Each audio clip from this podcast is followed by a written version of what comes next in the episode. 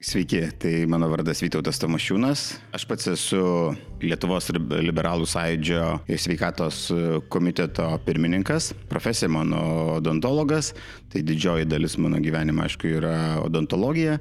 Taip pat esu Lietuvos medikų sąjūdžio narys, steigėjas. E, turiu prisipažinti, kad kažkaip labai aktyviai nedalyvauju medikų sąjūdžio veikloje, bet e, tikrai visą tą e, seku. Esu odontologų rūmų narys. Kas sveikatos politika domiuosi jau penkti metai. Esu kandidatas į Seimą.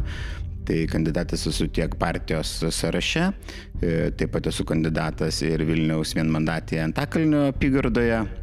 Sveiki, aš esu Audrus Kazlauskas. Esu iš Pakruojo šeimos medicinos klinikos bendras savininkas ir vadovas. Pakruojo rajono savivaldybės tarybos narys ir tuo pačiu šiuo metu kandidatuoju Žemgalos rytiniai apygardoj. Savaime aišku, kad aktualiausi klausimai, kuriais šiuo metu gyvename rinkiminiam periode, yra sveikatos sistemos politikos formavime. Sveiki, mano vardas Karolis. Einate į rinkimus, į Seimą. Kodėl? Priežastis, kodėl dalyvauju rinkimuose, tai jinai turbūt galėčiau pasakyti, kad taip tiesiog susiklosti eigoje. Kas aplamai paskatino domėtis politiką, tai toks, gal, gal toks net kaip vakumas, kurį pamačiau. E, kai grįžau iš Didžiosios Britanijos, Didžioji Britanija dirbau šešis metus, ten vis pasižiūrėdavai e, tą politiką, kai kas patikdavo, kai kas nepatikdavo, bet grįžus į Lietuvą, nu, pastebėjau, kad ta politinė kultūra tikrai netokia, kurios, kurios norėk, norėtum ir pati mintis ir buvo, kad tai gal tiesiog nesusirenka pakankamai daug kritiškų žmonių, kurie dalyvautų politikoje, e, kurie domėtųsi, nu, Plius vėlgi mes čia turim tą tokią išorinę opiniją apie politikus, kad kažkas tai ten gal ne visai gerai, nešvaru ir panašiai. Tai mano pozicija yra tokia, sakykime, pilietiška, kad e, jeigu kažkas yra blogai, nu, tai tu tiesiog turi dalyvauti, keisti ir, ir panašiai. Tai pradėjus e, dalyvauti, pirmas tikslas, koks, kokia tokia vat, mintis, arba tiesiog prieš penkis metus, kai tapau partijos narys ir buvo, kad prisidėti, kuriant e, partijai idėjas ir, ir tokią strategiją būtent sveikatos e, srityje. Tai prieš keturis metus dalyvavau e, ruošiant e, Seimo sveikatos rinkimų programą, bet nu, ne kaip ne, ne, ne pagrindinis žmogus, bet tiesiog padėjau. Ir vėliau domėjausi, domėjausi, tos aplinkybės susidėlio taip, kad mačiau, apie ką žmonės kalba, pastebėjau, kad ko reikia labiausia, tai reikia, kad visuomenė įtraukti būtent į, į, į politiką, nebūtinai dalyvauti politikoje, bet kad būtų pagalba savo idėjom, mintim ir panašiai. Ir, ir prieš metus laiko maždaug pradėjau galvoti, kad reikia jau atnaujinti iš esmės tą programą, padaryti tikrai liberalią šiuolaikiška, ta, su kuria galėtum ramiai eiti ir pristatinėti ir sakyti, čia va tas produktas kaip, kaip yra. Tai buvau atsakingas būtent už sveikatos e, programą liberalų sąjūdžio. E, manau, kad su vis, visos komandos pagalba tikrai gavosi tai, ko, ko tikėjausi. Aišku, visat norisi geriau, bet E, vėliau jau, kai pradėjau tą programą e, ruošti, atsirado ir tų idėjų, kurias tikrai norisi įgyvendinti. Ir šiandien yra toks, e, aš, aš tikrai labai siaurai einu į politiką. Vienintelė mano tokia aiškis rytis, kur aš žinau ir ką aš matau, kur galima pasiekti, yra sveikatos saugos politika. Kompetencijos kitais klausimais galiu prisipažinti, e, turiu labai mažai, bet, nu, tik tai aišku, tos bendras matymas visą laiką yra. Audriu, kaip jūs? Tai kaip ir minėjau, pačioj pradžioje su Pakruojo rajono savivaldybės tarybos narys, tai politikoje kaip ir pirmieji žingsniai, bet to pačiu jau, jau yra siekti ir, ir tai matau kaip testinumą visų pirma. Ir, ir su šeima mes pasirinkom, pasirinkom kurti ateitį ne kažkur didmestį, ne užsienį, savo gimtam pakruoju ir, ir matau, kaip yra e, svarbu turėti kaip įmanoma geresnės maksimalias galimybės regione kurti, kurti savo šeimos ateitį, savo nuosavą verslą. E, tuo pačiu, tuo pačiu aišku, savaime atėjo tas supratimas ir žinojimas, kad neužtenka vien tik e, tarybos lygmenyje ar savoje aplinkoje priimti sprendimus, pagrindiniai sprendimai yra priimami e, parlamente ir, ir ten yra didžiausia įtaka, kaip mes gyvensime ateityje, 4, 8, 12 ir taip toliau ilgam laikotarpiu. Taigi matau, matau būtent čia, e, čia, čia save, kad e, reikia priimti iššūkius. Dažnai mes girdime, kad e, mums reikia naujos kartos politikų, kitaip mąstančių, kitokio požiūrio, kitokio kampo. Reikia ir ryštis tam ir, ir, ir čia matau būtent tą vietą, kad jauni politikai, ne, ne tik amžiumi, bet ir savo požiūriu, turi tam ryštis, o žmonėms tiesiog tikriausiai ateina laikas ir, ir pasižiūrėti į tos pasiryžus ir padaryti pasirinkimą tinkamą. Toliau toksai labai platus klausimas. Į ką šiandien yra apskritai orientuota sveikatos apsaugos sistema? Gaila, per 30 metų mes nelabai žinome, kas jinai yra tokia ir kokia jinai bus ateityje. Ir e, leisiu čia savo pašaržuoti, bet man kartais atrodo, kad e, dar remiantis dain, profesoriaus Dainiaus pūro žodžiais, kad e, sveikatos apsauga tampa lyg sveikatos instrumentų ar įrangos kažkokia tai dalimi ir, ir reikėtų, kaip Dainis Pūras juokauja, sako, reikėtų, reikėtų pervadinti sveikatos apsaugos ministeriją į sveikatos apsaugos įrenginių ministeriją. Tai man kartais taip ir susidaro, kad labai daug yra dėmesio skiriama infrastruktūrai, pirkimams, kompensuojamiems vaistams, tokiems kietiems dalykams ir yra pamiršt, pamirštama šis aplinka turėtų suktis. Tai turėtų jinai tikriausiai suktis e, aplink gydytoją ir pacientą, bet šiai dienai daugiau fokusų yra duodama į, į, į struktūras, į, į kietuosius dalykus, į fizinius dalykus. Ir, ir, ir čia yra didžiausia problema, nes tik, tik, tikslo pametimas iškelia labai daug problemų ir mūsų sveikatos rodikliai tai visiškai puikiai atspindi. Statistika yra negailestinga, kad ir kaip ir kaip ją mes galėtume pažiūrėti, kvesionuoti jos patikimumu, tačiau Tačiau mes tikrai turime problemą ir čia mes turime pasitemti ir aukščiausių lygmenių pasitemti. Reikia, reikia ne tik kosmetinių patvarkymų, ne, gražių, ne tik gražių kolidorių, kas taip pat yra svarbu, bet, bet reikia esminių, esminių pokyčių, pasikeitimų, ne, ne tik, ne tik papudravimų. Tai mano toks trumpas ir būtų pasakymas, kad mes esam pametę fokusą ir mes nežinome tiksliai, kas tai yra. Ir kiek, kiekvieną kartą atėjus naujai valdžiai, kiekvienai naujai prasidėjus kadencijai daug yra šnekama, nes tai yra svarbi visiems rytis, bet esminių tikrų reikalingų pasikeitimų ir, ir, ir nematyti. Tai kaip, kaip vėlgi pasikartosiu, tas pats profesorius yra minėjęs tokią citatą, Kai mane sako, studentai klausia, kas bus su, su sveikatos apsaugos sistema po dešimties metų, nieks neturi atsakymą. Tai va čia ir atsakymas. Savo rinkiminiai programai jūs kalbate apie, apie žmogaus samoningumą ir atsakomybės prisėmimą už savo sveikatą. Kaip jūs sieksite to, kad Lietuvoje žmonės pradėtų labiau rūpinti savo sveikatą? Čia tas toks klausimas, kur pasakyti žmogui, kad, žinai, tu esi pats atsakingas už savo sveikatą yra šokiriuojantis ir, ir, ir politiškai, tai jeigu su kuo bekalbėtum, tai visi sakys, kad tik šito neminėkit, kad pats pacientas yra atsakingas už, už savo sveikatą. E, bet vėlgi, nu, norisi e, visą laiką į tą diskusiją nešti tokio tikrumo, pragmatiškumo ir, ir galų gale, galų gale tiesos. Nu, kiekvienas medicas žino, kad Viskas galų galia susiveda į paciento pastangas. Ką gydytojas gali būti, tai gali būti e, pagalbininkas. Nu, bet jeigu žmogus gyvens žalojantį save gyvenimo būdą, nu, tu daryk, ką nori, ne, neprikursi jokių tablečių, nieko, jokių receptų neprirašysi.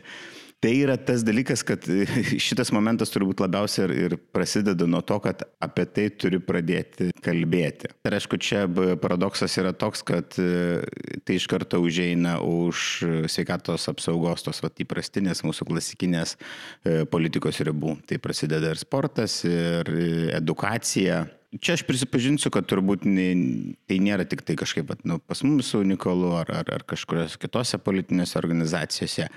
Kai mes išsiskaidom, padarytum po tas ministerijas, mes prarandam, prarandam būtent tą dalyką, kad pradėtume mokyti vaikus e, sveikos gyvensenos, kad pradėtume anksti kalbėti apie, apie sveiką maistą. Tai aš kaip pavyzdį duosiu, kur, kurį pasakojo tai, kas vyksta Prancūzijos darželiuose. Vaikai darželėje susėda ir skanauja maistą ir šnekasi, ką jie ragauja, ką jaučia, koks skonis, kaip jiem patinka ar, ar, ar nepatinka. Tokie vat e, dalykai kurie atrodytų to nutolę nuo tos sveikatos apsaugos, jie ir, ir, ir pradeda formuoti tą vat, žmogaus požiūrį į savo, savo sveikatą. Ir be abejo, jau perinant prie tokių konkretesnių sprendimų, Panašiai, tai kadangi mes visą laiką šnekam apie sveikatos draudimą, tai kiekvienas draudimas, kur tu jį praktiškai paimsi, jis turi tokį dalyką kaip franšizė mums kažkaip tai vis dar sunku apie tai išnekėti, kad jeigu kažkas tai naudojasi sveikatos paslaugom, visiškai normalu, kad būtų taikoma francizija. Tai pavyzdžių yra aibė, net ir tie patys skandinavai, kurie tarytum viską duoda ir, ir, ir socialinės gerovės, gerovės valstybės, kurios mes taip, taip siekiama. Vėlgi, tu atei, naudojasi paslaugom, tu tam tikrą nedidelį įkainį visą savo susimokė. Ar tai konsultacija pas specialistą, ar tai lovadienis, ar tai už vaistus. Netgi tie patys Estai ir Latvija yra, yra tuos dalykus pasidarę. Tai kai žmogus pradeda va, jau tiesiog iš savo kišenės e, mokėti, tai pradeda vėlgi daugiau galvoti, rūpintis, kad nu, tai nėra e, kad jam už kažkas kažką sumokės, kad ir jis pats turi mokėtis, o jau paskui einant e, tolyn vėlgi turėtume šnekėti, kad ateityje kiekvienas žmogus turėtų turėti savo dalį lėšų, kurias jisai pats galėtų panaudoti ten, kur jam atrodo teikiamos tinkamos medicinės paslaugos, o ne taip, kad vat, jam parodo, kad tu gali ten ten eiti ir va, tu rinktis tų. Ne, jisai pats turi iš esmės turėti galimybę pasirinkti ten, kur nueis ir sumokės su savo pinigus tiesiogiai iš savo sveikatos draudimo sąskaitos. Tai toks e, fundamentaliai turėtų tas keistis, ne tai, kad vat, mes pacientui pateikiam galimybės, ne, pacientas turi pats iškoti galimybių pasirinkti. Gerai, tada toliau panagrinėkim sveikatos sektoriaus e, finansavimą. Kokia šiandien yra reali sveikatos apsaugos kaina Lietuvoje? Šiandien sveikatos apsaugai yra skiriama nuomonė 6,7-6,8 procento. 6,7. Ar čia yra ta kaina, kiek kainuoja Lietuvos sveikatos apsauga? Nu, dažniausiai vėlgi, nori, nenori, tai yra palyginamasis dalykas lyginti su kitom šalim, kaip, kaip yra. Tai šiandien mes Lietuvoje sveikatos apsaugai išleidžiam 6,7 procentus nuo bendro vidaus produkto, vėlgi, ką mes visą laiką rodom, Europos e, šalių vidurkis e, yra apie 10 procentų bendro vidaus produkto. Tai vat ta kaina turbūt, kurios mes iš principo ne, nedamokam už, už savo sveikatą. Bet, nu, ką mes turim suprasti, tiek gydytojai, tiek pacientai, kad nu, per tą nedamokėjimą mes turim tuos rezultatus, kokius turime. Iš kitos pusės, ką mes galėtume pasižiūrėti, kad nėra taip, kad tik tai vat, išorinių pinigų įnešimas duotų didžiulį efektą paslaugų kokybei.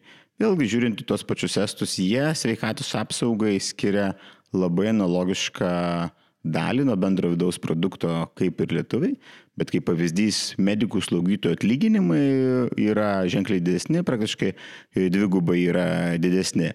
Tai vadinasi, kad ta kaina ir tų rezervų, kuriuos mes, mes galim sumokėti už sveikatos apsaugą, jie yra, potencialas yra dviejose dalykuose - vidinis resursas ir išorinis resursas. Įvertinant tai, kad keičiasi visuomenės demografinė situacija, nebejotinai mes turėsim daryti prie to, kad tai bus skiriama apie 10 procentų nuo bendro vidaus produkto, kaip, bet tai turi būti daroma tik tada, kai mes susitvarkysim esamą sveikatos įstaigų tinklą ir persiorientuosim būtent į paslaugų teikimą, o ne taip, kad tinklo išlaikymą. Nes jeigu mes dar, paliksim viską taip, kaip dabar ir tiesiog įliesim daugiau pinigų, nu, vat, kad ir dabar ten dar, dar 30 procentų daugiau įlietume pinigų negu dabar, mes tiesiog užkonservuotume esamą situaciją ir aš nemanau, kad ženkliai pagerėtų paslaugų kokybė. Taip, potencialiai mes galėtume tikrai padidinti medikų atlyginimus e, greitai, bet klausimas,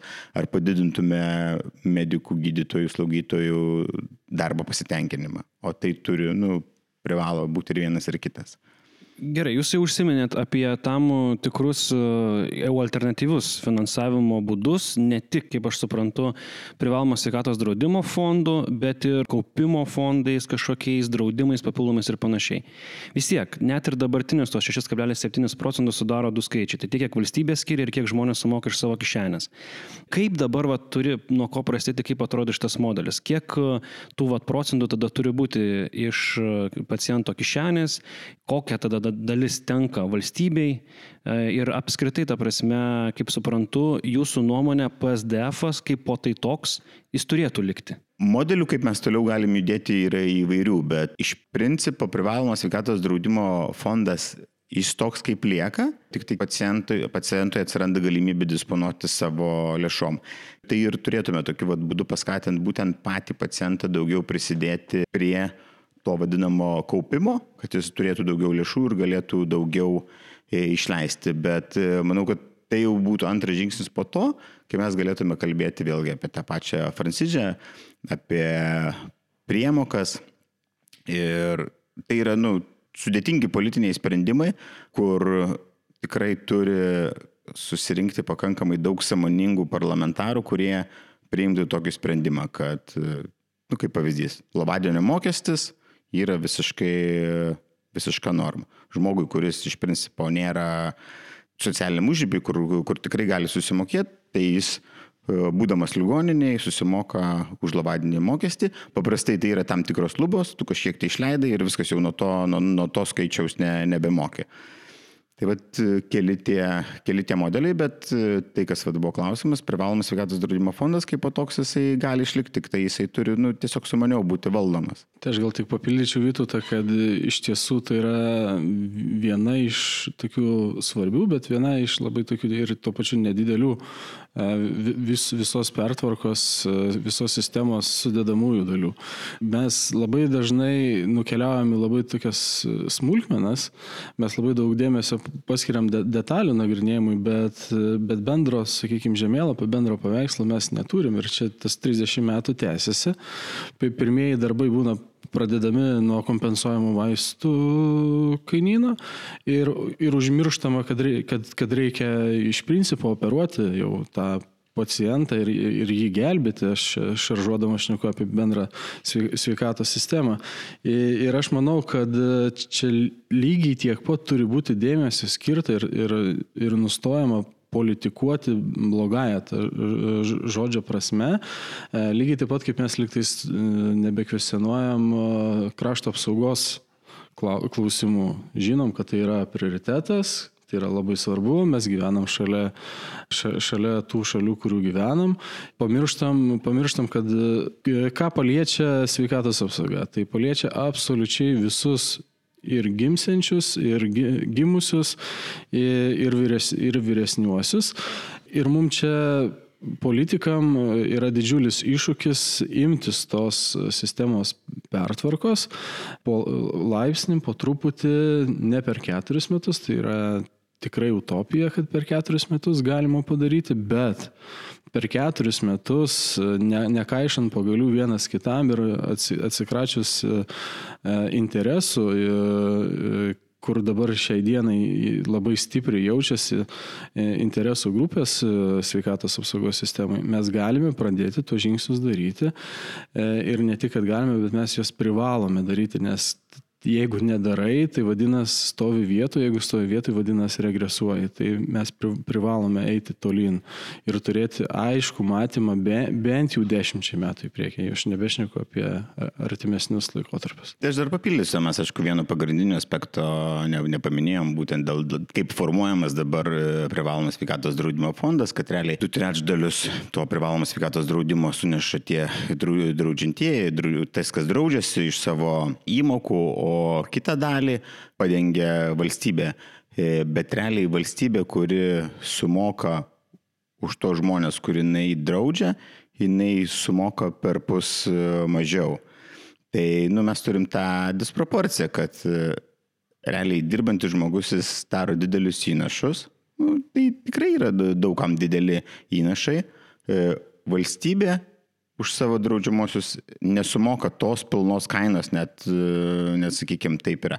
Nors realiai tie žmonės, kuriuos draudžia šiuo atveju valstybė, jie didesnė dalim ir yra tie, kurie naudojasi privalomą sveikatos draudimo fondu.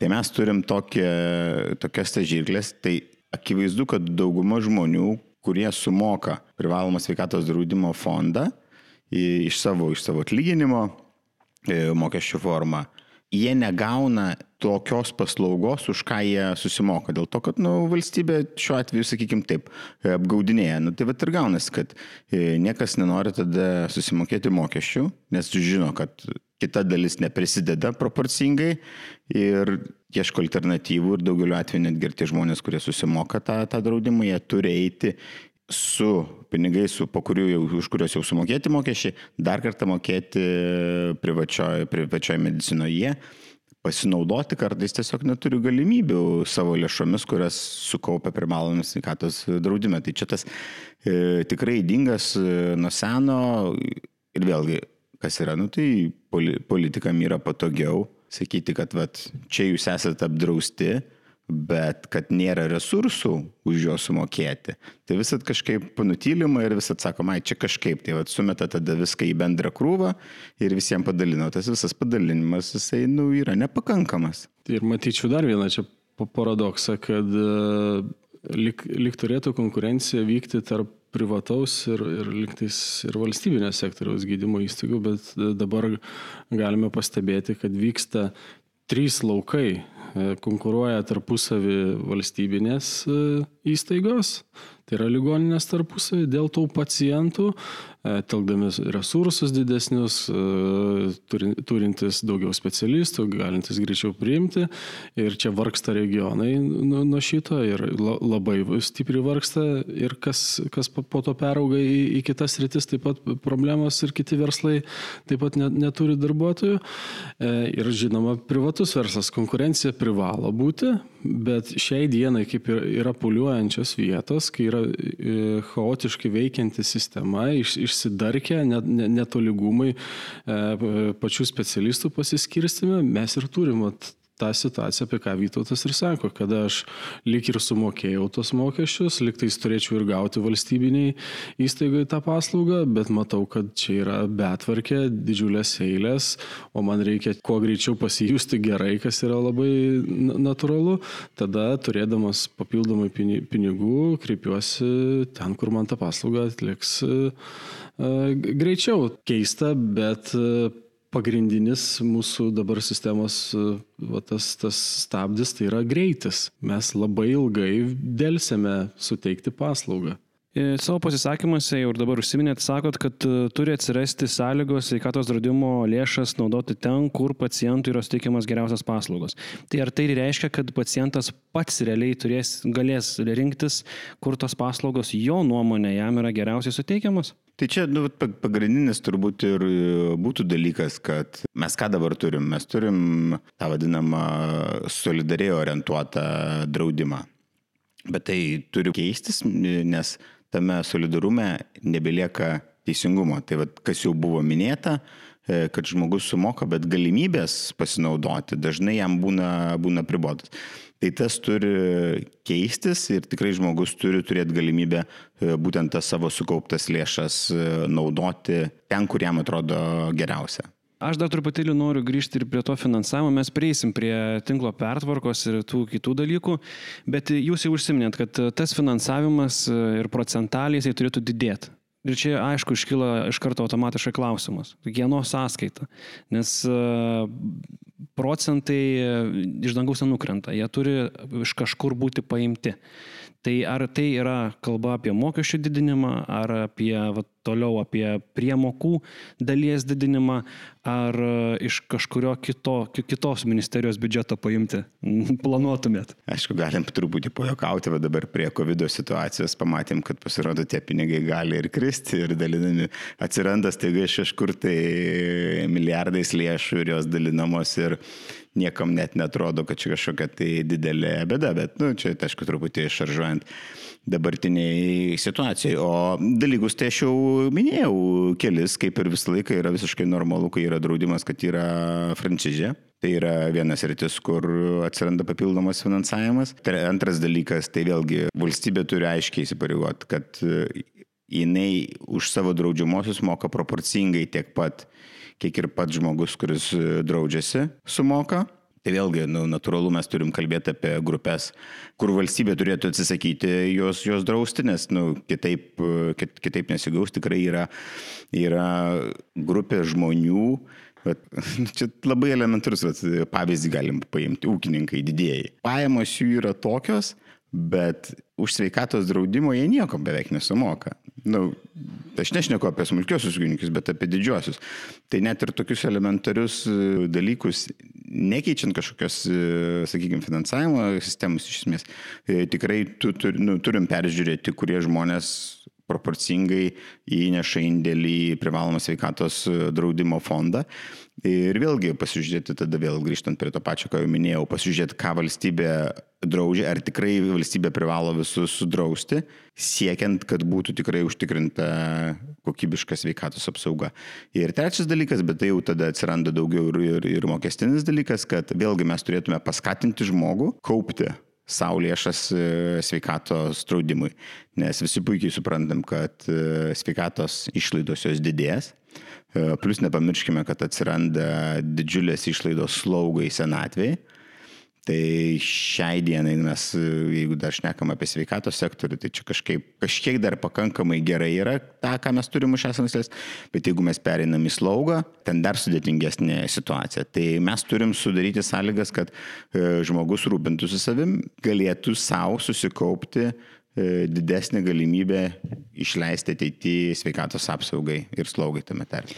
Ar tai reiškia, kad e, iš esmės valstybė turi pasakyti savo piliečiams, kad tie tenais 50 e, eurų, kiek jūs mokate kiekvieną mėnesį, ne viską mes galim padengti už tos pinigus ir tam, jeigu tu nori turėti transplantacijas visokias ir taip toliau, tau kažkiek reikės e, susimokėti pačiam, tad geriau e, kaupk kažkur papildomi pinigus kai kalbam apie pinigus, finansavimą, tai neturėtume pradėti gazdinti ir panašiai, nu, turiu omeny apie kažkokias tai sudėtingas procedūras norint išlaikyti prieinamumą prie sveikatos paslaugų, iš principo kas turi būti? Turi apmokestinama saliginai daug žmonių e, nedidelėm sumom. Tada tas prieinamumas tampa e, netampa pribotas ir visi gali gauti kokybiškas e, sveikatos paslaugos. Bet aš kaip ir minėjau, nu, elementarus dalykas - labadienio mokestis. Visiškai normalu. Nu, jeigu žmogus ligoniniai e, guli,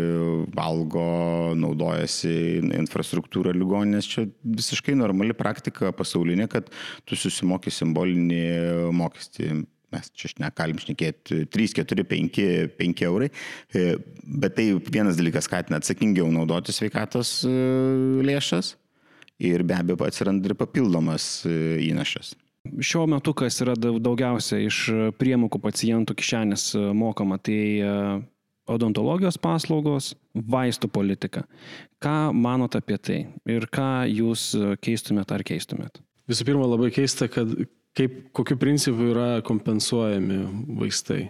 E, mūsų liberalų e, požiūris e, yra toks, kad mes turime suteikti teisę rinktis, laisvę rinktis, o šiuo metu ši, ši, šita kompensavimo sistema jinai visiškai neleidžia rinktis.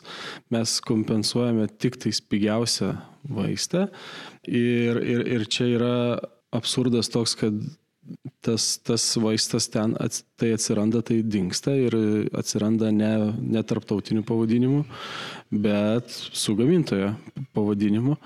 E, mano akimis tai yra labai įdinga praktika, nepaliekama vietos švariai, skaidriai konkurencijai. Mano akimis ir bendrai mūsų akimis turėtų būti nustatyta suma pinigų tam vaistui kompensuoti ir žmogus tegul pasirenka pagal savo galimybės pirkti už 5 eurų priemoką, 2 eurų priemoką ar už 15 eurų priemoką. E, toks dirbtinis, dirbtinis reguliavimas e, sudaro prielaidas nešvariem dalykam. E, ir mes praktikoje girdime, netgi, netgi ir kolidoriuose girdime vaisto atstovų pasakymų, kad mes žinome, kada bus vaistas kainyne, o kada jo nebus. Iš kur tai? kaip, kaip tai gali būti. Ir čia įneša sumaišties e, visiems tiek pacientui, tiek gydytojui, kurie tiesiogiai dirba su tuo. Žinoma, ir vaistinės e, susiduria tiesiogiai su tuo. Tai kas, kas tris mėnesius e, besikeičiantis kainynas sudaro nepatogumų išrašant paskiriant vaistą, vartojant vaistą ir, ir turint jo sandėlį farmacininkam. Tai ap, apkrauti yra bereikalo visi, realios naudos aš nelabai matau e, ir čia reikia liberalizuoti šitą, šitą dalyką, paskirti atitinkamą sumą kiek mes kompensuosime už X vaistą ir tegul žmogus jisai pats pasirenka ir su gydyta pagalba išsirenka, kas, kas geriausiai veikia. Tai tas baksnojimas pirštų žmonėm, kai, ką reikia daryti, kaip reikia daryti, nu, tai tikrai yra įdingas ir Ir iš psichologinės pusės gali pradėti abejoti, ar tikrai aš sugebu dabar teisingai pasirinkti, ar man turi kažkas pasakyti, ką aš turiu pasirinkti. Realiai dabar e, turim tokią situaciją, kai e, kažkas su protokolais, e, faktiškai nedirbantys su pacientais, nurodo, kaip turi būti gydomas pacientas, kokiais vaistais ir panašiai. Mes turim vėl grįžti prie to, kad nu, nei, nu, nei pacientas nuo širdžiai žinom, kad gali pasakyti, kokie vaistai veikia, nei kažkoks biurokratas, realiai yra gydintis gydytojas. Ir jeigu gydintis gydytojas sako, kad reikia šito, šito vaisto ir šitas vaistas jam veiks geriausiai, tai principė pacientas tą vaistą turi ir gauti nepriklausomai beveik nuo to, kokią politiką. O jeigu ten tas, o taip, vėlgi, kas jau buvo paminėta, yra numatoma bazė, kaina, kiek yra skiriama. Ir jeigu pacientas su gydytoju nusprendžia, kad reikia kažkokio tai kito, taip, tada pacientas e, dasimoka, bet jisai gauna tą, ką gydytojas tikrai, jo nuomonė tikrai, tikrai šito reikia. Tai mes jau pradedame atiminėti iš gydytojų tą teisę gydyti ir, ir naudoti savo žiniom ir supratimu, kas, kas yra geriausia. Ir būtent, vat, kai mes šnekam apie tas išimtis ir panašiai, tai, tai vat, mes ir žinom, kad tos išimtis jos būna retai, bet niekas kitas apie jas nežinos, kaip kad gydantis gydytojas. Čia visą laiką, aišku, mintis, kad nu, kažkas bando labai brangiai parduoti Lietuvoje tos vaistus ir panašiai. Tai čia gali pasižiūrėti, nu, tai jeigu vaistas kainuoja grubiai, sakykime, ten 10-20 procentų brangiau negu referentinės šalis, kur vaistai saliginai pigus, nu viskas tu jo neįtraukiai kompensuoja kompensuojamų sąrašą. Jeigu jo kaina atitinka vidurkius, tu jį palieki kompensuojamų vaistų sąrašą. Viskas ir, ir, ir išspręsta problema. Ir plus, žinoma, reiktų drąsiau truputį kalbėti apie konkurenciją vaistų rinkoje. E, jinai tikrai labai turi daug panašumo į oligopoliją. Galų galia, nu, tai yra ir, ir, ir vieša informacija. Faktiškai yra kelios didmenės didžiosios kompanijos, jos beveik turi lygiai grečiai mažmena ir praktiškai gali, žaidimas vyksta tik tai pagal jų taisyklės. Tai šitą reiktų pasižiūrėti, vertinti ir man taip žiūrint tikrai nėra, nėra pakankama konkurencija vat, būtent vaistų rinkoje ko rezultate mes turim e, tikrai aukštas kainas lyginant ir su, su kitom šalim, o bandymas, tikimai, taip dirbtinai kažkaip sumažinti kainas, tas ne, ne, neveiksminga. E, nu, dabar, aišku, naujas šūkis tai valstybinių vaistinių atrodytų, kad vat, čia kažkas tai ateis, kažkur nupirks pigiai vaistų ir panašiai, bet nu, jie niekur kitur tų vaistų nenupirks, kaip iš tų pačių didmenininkų, kurie turi savo mažmeninių įstaigų tinklą, mažmeninių vaistinių tinklą. Tai paskutinis, aišku, įvykis su e-sveikata rodo, kaip valstybė sugeba su savo infrastruktūra valdyti. Tai po tokių įvykių Ar tikrai kam nors dar norėsis, kad valstybė dar įsteigtų vieną tokį, sakykime, ūkinį vienetą ir ar, ar, ar, sugebės, ar sugebės gerai pasirūpins, ar bus taip kaip su esveikata. Tai, nu, praktika rodo, kad dažniau mums bus panašiau kaip esveikata. O grįžtant, jo, teisingai, grįžtant prie, prie odontologijos, uh, Taip kaip valstybė vykdo e, odontologijos politiką, tai yra nu, mažų mažiausia ne, nesusipratimas. Tik nežinau, nuo, kai aš pradėsiu kalbėti apie odontologiją, tai turbūt valandą e, užtruksim, bet pabandysiu apibendrinti, kaip yra. Tai šiandien yra situacija, vat, čia labiau iš paciento pusės žiūrint, arba, arba, arba iš vaikų, arba tai, ką galima su, su lėšom padaryti efektyviausia. Tai mes odontologai visi žinom, kas geriausia veikia, tai veikia profilaktika. Tai atrodytų natūraliai, kad e, valstybė turėtų daugiausia investuoti būtent į profilaktiką, kad užkirsti e, lygiai kelią. Bet yra visiškai, visiškai kitaip. Realiai metam laiko už vaiką yra duodama skiriama 14 eurų profilaktikai, gydimui, diagnostikai nu, kas reiškia maždaug savikaina žiūrint, tai apžiūra, pakonsultavimas, pažymos išrašymas tiek maždaug e, gali, gali padaryti. Bet kai pas pacientą paskui atsiranda daug problemų ir jį reikia protezuoti, tai ten skiriama virš tūkstančio eurų. Logika niekaip e, nesuina. Tu taupai ten, kur tu tikrai gali pasiekti didelį efektą, ten neskiri, bet surandi lėšų. Tai nu, net, net nesuina galai. Tikrai tikrai ne vienoje kitoje šalyje, kur, kur domėjausi, nėra tokio, tokio absurdo. O tai vyksta, aš galiu pasakyti, kodėl tai vyksta. Tai vyksta dėl to, kad e, vieną įstaigą reikia kažkaip išsilaikyti valstybiniai. Ir jinai viską daro, kad, e, kadangi praktiškai tik jinai gali didžiąją dalį tų paslaugų daryti, va, tokių sudėtingų, ir panašiai. Nu, tai va, ir jie išmušinė, kad visą laiką jų tom teikiamom paslaugom būtų užtikrintas finansavimas. Tai čia palieki negydai, apleidi tą situaciją, tada visą laiką turi garantuotai srautą pacientų, srautą finansavimą ir va toks įdingas tas ratas e, susidaręs. Vėlgi, kaip, kaip, kaip pavyzdys, tos pačios Skandinavijos šalis, kur, vat, nu, gerovės valstybės, jos investuoja į vaikus tam, kad tie vaikai nu, neturėtų to elementaraus kareso. Tas tikrai yra preventyvi lyga. Nu ir ką jie daro, kadangi jie nu, nėra tiek turtingi, kiek mes, tai jie ten suaugusiam nieko iš esmės neskiria, viskas yra koncentruojama vaikam ir tiek finansuojama, kad tikrai to pakaktų, turi rezultatą, nu ir turi rezultatą tai, kad didžioji dalis 18 mečių yra visiškai sveikais dantim. Tai va čia ir yra tos va tokios, nu, prastos e, politikos įgyvendinimas. Tai va dėl, dėl to ir turim saliginai didelės išlaidas e, odontologijai. Ar tai reiškia, kad jūs e, tiesiog sieksite perskirstyti lėšas, kad daugiau būtų lygų prevencijai, vietoj to, kad jau dabartiniam gydimui, ar tai vis dėlto reiškia, kad kažkiek reikės didinti finansavimą šitai sryčiai, nu, nepleidžiant vieno galo, bet daugiau skiriant kitam? Jeigu, jeigu mes norim tikrai, tikrai rezultatą, tai nesvarbu, ar mes didinsim ar ne, tai bet kuriuo atveju prioritetas turi būti perskirstytas. Jeigu mes norim gauti maksimalę rezultatą sveikatos, tai mes tas lėšas tikrai turim perskirsti net ir nedidinant. Vėlgi, jeigu galimybė bus padidinti, tai nu, visat mielai investuosi, jo labiau, kad nu, mes šnekam apie, apie vaikų sveikatą ir, ir ta investicija su kaupu atsipirktų ateityje Investuokim, ten, kur, investuokim visas lėšas ten, kur gausim e, didelį rezultatą.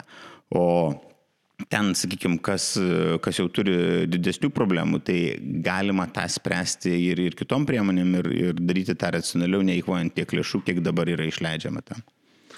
Tai aš gal Vytautą papildyčiau ir, ir dar tokį akcentą uždėčiau. Vytautas taip lik tarp kitko pasakė 14 eurų, 14 eurų metams Tai yra absurdų absurdas. Mes pamiršom, kad žmonės turi dantis. Kad tai taip pat yra sveikata, kad tai yra taip pat lygos. E, tai yra absurdas. Tų pinigų yra, tik jie ne ten išleidžiami. Taip, taip. Jie išleidžiami ten, kur jie neduoda praktiškai jokio rezultato, taip. kur yra kovojama su, su paskimėm. Tai yra tiesiog prastos politikos e, pavyzdys. Ir, ir geresnio pavyzdžio kaip odontologija, turbūt sunkiai surasi va, tos prastos politikos galvojant apie nu, vos ne ryt, rytojus, rytojus dieną.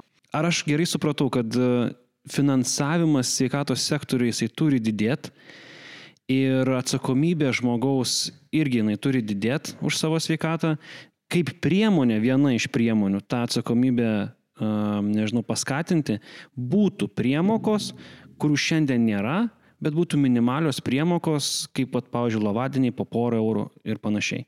Ar tai reiškia, kad valstybė tiesiog dengia, kaip ir dengusi iki šioliai, esminės visas paslaugas, būtinosios pagalbos ir gyvybę gelbsančias ir taip toliau, bet pacientui atsiranda šiek tiek priemoka už kažką. E, tai va dabar tas klausimas, tik patikslinimai. Ar tai jau ir stacionariai, ar tai ir ambulatorijoje kažkokie, kažkokios idėjos yra tos dalykus padaryti, GMP kvietimai galbūt gali būti apmokestinti. Kaip, kaip jūs tai įsivaizduojate? Ne, tai mes e, pradėkime, ir čia elementarus dalykas. Visą laiką pasižiūri ten, kur yra perteklinių paslaugų naudojimas. Nu, tai čia dienai yra stacionaro naudojimas ir, ir, ir didelė dalis labadienių. Nu, tai toj vietoj, kur yra tikrai perteklinės naudojamos paslaugos paslaugos, ten įvedi tą mokestį. Tai sakau, kaip pavyzdys, 3-4 eurai už lavadienio mokestį ir pamatysim, pasižiūrėsim, kaip tai veikia. Čia tik tai, ką iš karto turiu pasakyti, kad būtų labai įdinga praktika tai daryti būtent šeimos medicinoje, nes vienas dalykas tai administravimas, jis ten suvalgo daugiau turbūt paskui lėšų, negu tu surenki faktiškai ir papildomai dar įvedi sumažini prieinamumą paslaugų, ko pasiekoje tu paskui turi vėlgi sudėtingesnės lygas ir vėl didesnės išlaidas gydimui. Tai mes čia šnekam šiuo atveju apie lovadienį, vadinkim tai nepriemoką, vadinkim tai francižę. E, tas, kas gilinsis, tai e, supras, o, o, o kitų, kitų žmonių ne, negazdinsim. Gerai. Valstybės kontrolė, OECD, Tartutinis valiutos fondas e, N metų kartoja e, tas pačias problemas Lietuvoje. Viena iš tų problemų yra neoptimizuotas sveikatos apsaugos tinklas. Kaip optimizuosite sveikatos apsaugos tinklą? Kai grįžtam ir šnekam apie kažkokį tai sveikatos sistemos e, fragmentą, tai mes turim suprasti, kad tas yra daroma ne dėl to, kad padaryti, o tam, kad gauti rezultatą. Nes jeigu šiaip vat, nu, manęs paklaustų, nesidominti ir panašiai, mes čia vat, norim e, optimizuoti sveikatos tinklą, tai, nu, ką tai reiškia, ką ligoninės uždarinėsi, tai pacientai negaus paslaugų ir, ir, ir panašiai. Tikslas koks yra būtent sveikatos įstaigų tinklo optimizavimo? Tam, kad gerėtų paslaugos ir tam, kad didėtų medikų atlyginimai. Aš iš karto eisiu prie, prie gerųjų pavyzdžių. Vienas pavyzdys yra švietimo sistema ir švietimo, švietimo įstaigų tinklas. Visą kiek metų jau tas klausimas buvo nespręstas ir viskas šiek tiek pradėjo, pradėjo judėti. Tai turim pavyzdį, pavyzdžiui, yra naujoji akmenė, kuri jau daug anksčiau yra susitvarkę savo švietimo įstaigų tinklą. Ką jie turi? Tai jie turi aukščiausius mokytojų atlyginimus pas save e, rajone ir turi vienus geriausių rezultatus mokinių pasiekimo. Tai mes čia šnekame apie naują akmenį. Tai vat, pavyzdys, kad tinkamai sutvarkytas įstaigų tinklas, ar tai švietimo, ar tai, įstaigų, ar tai sveikatos, jis duoda kokybę, kokybę paslaugų ir būtent to viešojo sektoriaus darbuotojų atlyginimo didesnį. Tai čia mes tokį vat, lietuvišką pavyzdį gerai, gerai paėmėm. Kitas pavyzdys yra tie patys estai. Čia tokie, kas žino, kas nežino. 2000 metais skandinavai e, padarė Lietuvai, Latvijai, Estijai planus, kaip turėtų būti vat, sveikatos įstaigų tinklas optimizuotas. Tai vienintelė estai, kurie pasidarė, kokį rezultatą turi, tai vat, kaip jau ir minėjau, atlyginimai tiek slaugytojų, tiek e, gydytojų yra praktiškai dvigubai didesni, išvengiamų mirčių skaičius pas juos yra ženkliai geresnis negu, negu Lietuvoje. Nu, tai tam tikrą prasme tai atspindi būtent sveikatos įstaigų paslaugų teikiamą kokybę. Tas pats planas, kuris buvo 2000-aisiais padarytas, jis iš esmės tiek pat validus yra ir šiai dienai ir pagal tą patį principą galima būtų e, padaryti. E, tai mes su Pasaulio sveikatos organizacijos ekspertais tą planą esam perdarę, perskaičiavę šiek tiek pagal dabartinius pokyčius tas, kas buvo nepadaryta prieš 20 metų, nu, iš esmės tampa dabar dar labiau aktualu. Bet čia mūsų pasirinkimas. Jeigu mes suprasim, kad tai reikia padaryti tam, kad pasiektume būtent didesnius medikų atlyginimus, geresnę gydimo kokybę, e, mes galim tą padaryti samoningai, valingai.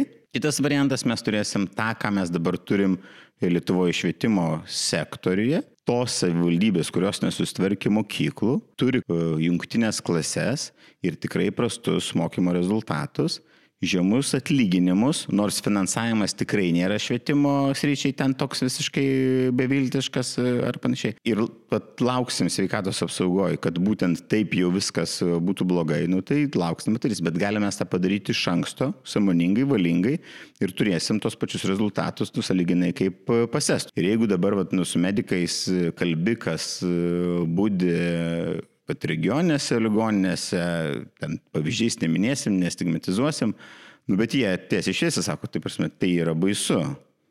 Mes turėtume pripažinti, kad tikrai negalime turėti tiek įstaigų, kiek turim e, dabar.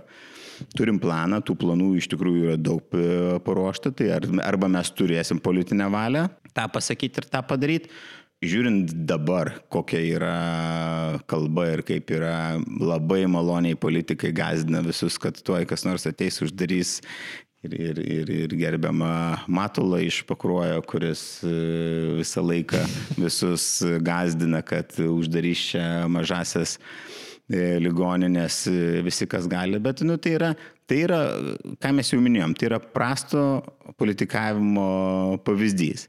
Ir niekas kitas, kaip tik tai rinkėjas, arba jisai išgirs, kas pigiai politikuoja, arba neišgirs ir priims tada atitinkamą sprendimą. Tai čia vat yra toks, toks, toks skirtinis dalykas. Ir aš netgi grįšiu prie tokio nu, asmeninio dalyko.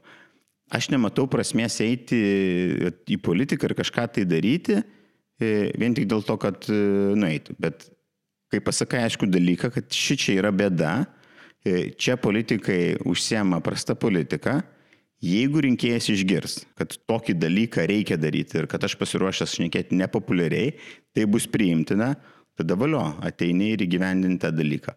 O jeigu žmonės dar to nenori, nesupranta per anksti, nu palauksim, gal Mintis yra tokia, kad, e, žinoma, turi ryštis, aukščiausių lygmenių, nacionalinių lygmenių politikai turi ryštis ir tai daryti E, ne taip, kaip jiems atrodo, ar ne tas, kas turi didžiausią įtaką iš Vilniaus ir iš Kauno, bet e, turėti mąstymą ir matymą bendrai visos Lietuvos, nes žmonės gyvena ne tik dviejose miestuose, jie gyvena visur, visoje Lietuvos teritorijoje ir, ir čia reikalinga labai e, plati ir kaip įmanoma daugiau susuburanti ekspertų diskusiją ir visą tai turi pakilti iš apačios į viršų, o ne iš viršaus į apačią, nes mes turime daug visokių pavyzdžių, kada nuleisti sprendimai, e, pertvarkos sukelia daug chaoso, nežinomybės, e, sunkiai pritaikoma praktikoje. Tai, tai nereikia bijoti politikams pasakyti, kad aš iki galo šimtų procentų vienas pats nežinau, kaip šitokį didelį mechanizmą pertvarkyti. Ir reikia drąsiai pasakyti, kad aš pasitelksiu ir, ir rinksiu tuos žmonės, kurie taip geriausiai išmano. E, ir kad tai reikia daryti, tai mes visi sutarėm ir, ir, ir žinom. Ir neuždarinėjant, bet stiprinant e, galbūt regionuose kažkokią tai gydymo įstaigą kaip vienos ryties, e, kitą kitos, plečiant konsultacijų skaičius regionuose, mes išspręsime ne tik, kad sveikatos apsaugos sistemos klausimus pasieksime tolygesnį e, paslaugų prieinamumą, tuo pačiu paskatinsim, e, paskatinsim atvažiuoti į regionus e, specialistus, tai pakeldami tų pačių paslaugų kokybę, bet tuo pačiu mes spręsime ir bendrai regionų politikos klausimus, nes dabar pasakyti, kad kad čia yra tik tais sveikatos apsaugos reikalas, čia yra švietimo reikalas, čia yra tas, tai taip nėra. E, viskas sueina į vieną katilą, į vieną bendrą reikalą e, ir jeigu mes imsimės tų tikrų rimtų per, per tvarkymų, pasižiūrėjimų, kas yra geriausia, kas yra stipriausia, mes sukursime e, geresnės sąlygas ir verslui, ir švietimui, e, ir taip pačiai žinoma, apie ką mes šiandien ir šnekam, apie sveikato sistemą. Tokie kaip pavyzdys, kaip Antanas vat, Matlas, mano kolega ir konkurentas to pačiu sako, kad čia vat, jie ateis ir uždarinės, tai, tai, tai tikrai taip, taip nėra. E, tiks, tikslas, tikslas yra būtent, kad išlaikyti šalia žmonių paslaugas. Nes, kaip pavyzdys, Latvijos pasienyje gyvenančiam atvažiuoti iki, iki Šiaulių ar iki Kauno, tai yra nu, vos ne pusės gyvenimo kelionė. Tai gerai, kai tu esi mobilus, turi galimybės ir, ir taip toliau. Tai reikia sudaryti tokias sąlygas, tokias aplinkybės, kad ta paslauga jį pasiektų ar, e, ten, kur jiem tikrai jos tos reikia. Ir aš nemanau, kad pakruoja ar pasvaly e, tos ligoninės kažkuo tai yra blogos, negeros, ne, e, netinkamos fiziškai. Ten tik reikia gero, geros rankos, geros vadybos, bendros geros sistemos, ką mes, ką mes ir siūlom. Kad ateisim, perbražysim, bet ne fiziškai uždarysim bet e, kokybiškai ir kompetencijų klausimų perskirstysim šitą sveikatos sistemą. Niekas tikrai nenori nieko uždarinėti. Čia vat ir yra toks e, pagrindinis akcentas, kai mes šnekam apie įstaigų tinklų pertvarką, tarytum visi įsivaizduoja, kad nu, aplamai liks tik tai Vilnius, Kaunas ir Klaipėdė, o visur kitur ten kažkas tai tik tai ambulatorinis liks lygis. Bet esminis dalykas, kad vat, būtent turime stiprinti tose regionuose esančias ligoninės. Ir Nu, imkim pavyzdį Marijampolės ligoninė. Aplinkui tą ligoninę yra nu, kelios silpnos e, ligoninės. Atstumai ten yra tokie, kad e, tikrai neverta visose ten trijose, keturiose ligoninėse turėti viso spektro paslaugų. Tai mes turim va, tą Marijampolės ligoninę padaryti tokią, e, kad nebūtų niekam net noro ar minties galvot, kad čia būtinai reikia važiuoti ar į Kauną, ar į Vilnių, ar panašiai dėl tų elementarių standartinių sveikatos paslaugų procedūrų. Bet kur turi būti automatiškai iš karto lygiai greičiai, tai turi būti labai stipri logistika, turi būti labai stiprus pirminis sektorius. Ir automatiškai, jeigu tu transformuoji tą tinklą, tai tu va, iš vienos pusės sudėtingas paslaugas koncentruoji, bet tas einamasias jas artini prie žmogaus, kad dar arčiau būtų tos paslaugos žmogaus. Ir tada atsiranda, kad jeigu mes šnekam apie ambulatorijas, jos daug dalykų gali padaryti ir ta pati minimali dienos chirurgija ir panašios, panašios procedūros. Tai tokiu būdu mes sukoncentruojam, sutaupom lėšas Ir tada vėlgi, ką mes programoje esame aiškiai įsirašę, tai pirminis sektoriaus ir pirminio sektoriaus finansavimą, taip kaip dabar yra iš privalomo sveikatos draudimo fondo skiriama apie 17 procentų, tai tai turėtų didėti iki 25. Nu, čia toks labai ambicingas tikslas, bet vat, būtent, kad e, daugeliu problemų gali spręsti būtent e, pirminės sveikatos grandis. Aišku, visiems atrodo, kad e, jeigu tos nebus ligoninės, kur visos tos procedūros daromos, tai čia kažką tai tas regionas e, praras. Bet tu kaip tik e, padarysi taip, kad visos einamos paslaugos bus labai lengvai pasiekiamos, o ten, kur reikia paslaugų, kur reikia komandų, kur reikia kokybės, jos bus pačiam aukščiausiam lygiai. Tai mes čia turėtume atskirti, kad kartais atrodytų kažkokį tai darom efektyvinimą, optimizaciją ir, ir, ir kažko netenka, bet realiam rezultate tai yra bendras paslaugų kokybės gerėjimas. Ir galutinis tikslas būtų taip, kad e, kaip aš jau ir minėjau, žmonės ne, nesirinktų ar ten važiuoti Vilnių, Kauną, o ramiai važiuotų į, į sakykime, Marijampolės ligonę. Ir paradoksas, kad šiandien yra net ir miestų gyventojai, kai jiem reikia paslaugų, tam pačiam Vilniui, Kaune, jie dažniausiai negali tų paslaugų gauti, nes nu, dauguma žmonių nepasitikė e, tom savo vietiniam įstaigom ir kreipiasi į didžiasias įstaigas ir jas užkemša. Bet čia vėl atsiranda ir finansavimo klausimas, kadangi nu, po šiai dienai tos trys didžiosios ligoninės, jos e, finansavimas skiriamas ženkliai didesnis net ir už tas pačias paslaugas negu kitose ligoninėse, dėl to vat, atsiranda toks skirtumas. Šitie trys centrai atarytum e, pučiasi, visi važiuoja ir vis tik visų, visų nepatenkina. Tai tas specifinių paslaugų decentralizavimas jisai turi įvykti į, į regionus. E, mes jau palėtėm šitą dalyką, kad tai yra politinės valios klausimas ir tai, kad metai iš metų tai neįvyksta, irgi tai yra turbūt susijęs su politinė valia. Niekas, bent jau šitam, šitoje iš patalpoje nesiginčia, kad šito nereikia daryti. Tai būtinai reikia daryti, jūs taip labai atsargiai, taip prie iš to rinkėjo pusės, kad uh, užsidarys kažkas ir panašiai. Vienareišmiškai šitą dalyką reikia daryti ir niekas geriau to nesupranta greičiausiai kaip patys medikai. Bet e, grįžtam prie to politinės valios klausimo. Matlas yra jo, geras turbūt pavyzdys e, to politiko, kuris puikiai išnaudoja šitos klausimus savo vienmandatį apygardoje laimėti rinkimus. E, ar jūs gal kalbėjote jau su savo merais? Kiek žinau, ten yra Rietavo, Joniškio, Trakų, Tauragės merai.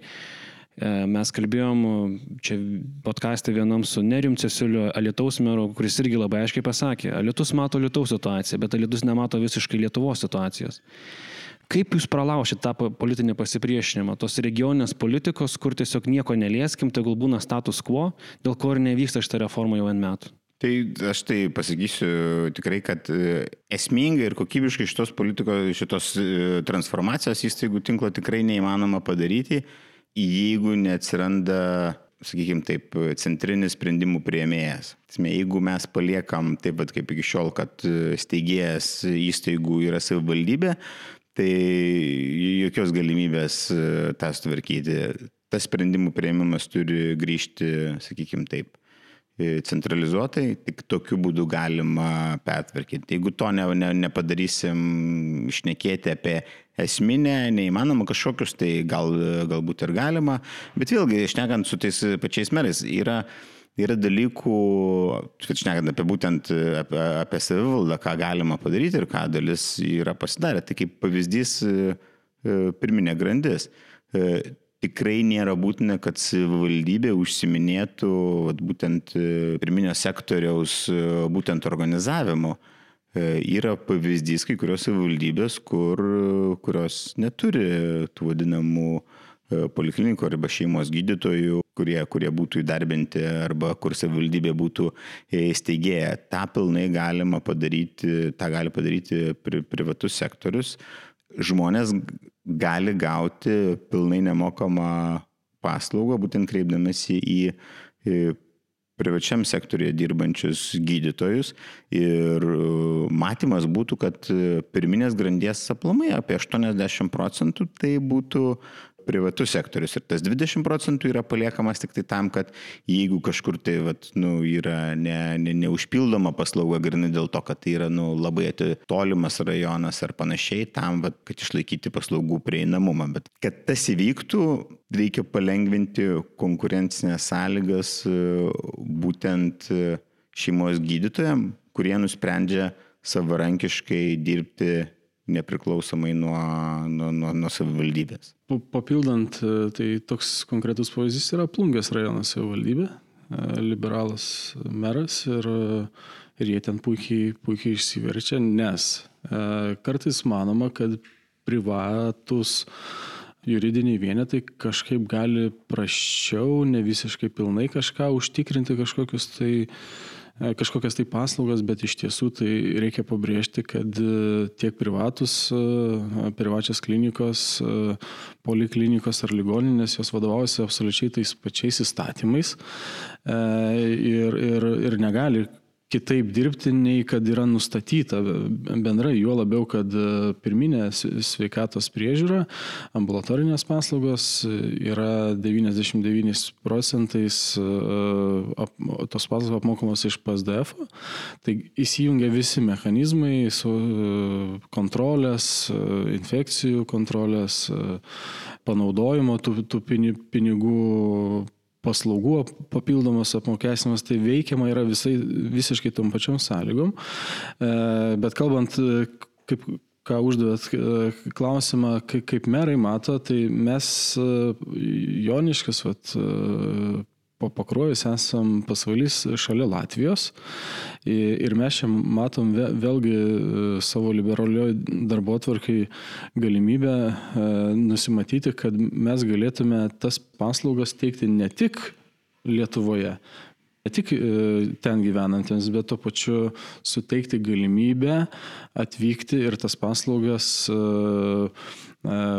priimti ir Latvijos, Latvijos gyventojams, taip neapsiribojant tik, tik tais e, Lietuvą. Ir Ir, ir čia tikrai sutik, sutiksiu su, su Vytautu, kad, e, kad tas konkurencijos nebuvimas pirminiam lygmenį, kada e, savivaldybė yra steigėjas, e, sakykime, pirminės sveikatos priežiūros centrų, jie viena ranka vis duoda tų pačių pinigų, duoda injekcijų. Jeigu blogai sekasi, mes duosim jums pinigų. Ir čia yra įdinga tuo, kad vadovai, vadovai yra, nu, kaip turintis tokį vyresnį brolį, atsarginį variantą, kad aš jeigu kas nors man nepasiseks, finansiškai aš būsiu silpnesnis, tai mane padotuos iš, iš biudžeto. Kitas, kitas dalykas yra taip pat įdingas, jie visada, kaip, kaip sako vadovai gydymo įstaigų valstybinių, sako, mes nesam pelno siekiantis subjektas. Taip, viskas tvarkoj, ne, tai yra viešoji paslauga, reikia užtikrinti sveikatos priežiūrą visuomeniai, bet tai taip pat sukuria tokias aplinkybės, kada gali, nu, gal biški pasitaškyti, gal čia brangesnę kėdę ar brangesnį kompiuterį nusipirkti. E, tai ko nedaro privatus sektorius, jisai visada racionaliai skaičiuoja, žiūri, kur kur ką pirkti, ką, ką daryti, neišlaidauti, e, kreipia dėmesį į gydytojus, į slaugytojus ir pacientą. E, ir, ir čia nėra nieko blogo liberalizuoti šitą pirminę grandį, e, juo labiau, kad kad viskas yra kaip ir paruošta, tik tais reikia labai ten tokių nedidelių korekcijų ir, ir per ketverius šitos metus visą tai tikrai galima įgyvendinti ir jo labiau, dar labiau praplėsti galimybės laisvai, laisvai samdomus gydytojus paruošti teisiškai. Čia Vytautas turi labai gerą pavyzdį iš, iš Didžiosios Britanijos konkretų, konkrečios patirties. Jo, tai aš gal pasidalinsiu, aš vat, kaip uh, dirbau Didžiojoje Britanijoje, tai kartais, aišku, Lietuvoje dar sunku suvokti, bet pabandysiu labai taip apibriežti, kad aš asmeniškai sudarydavau sutartį su ligonių kasa. Ir mes ten apsibrėždavom sutartyje. Aš tiek ir tokių paslaugų atlieku, Ir viskas. Aš kaip specialistas teikiu sveikatos paslaugas.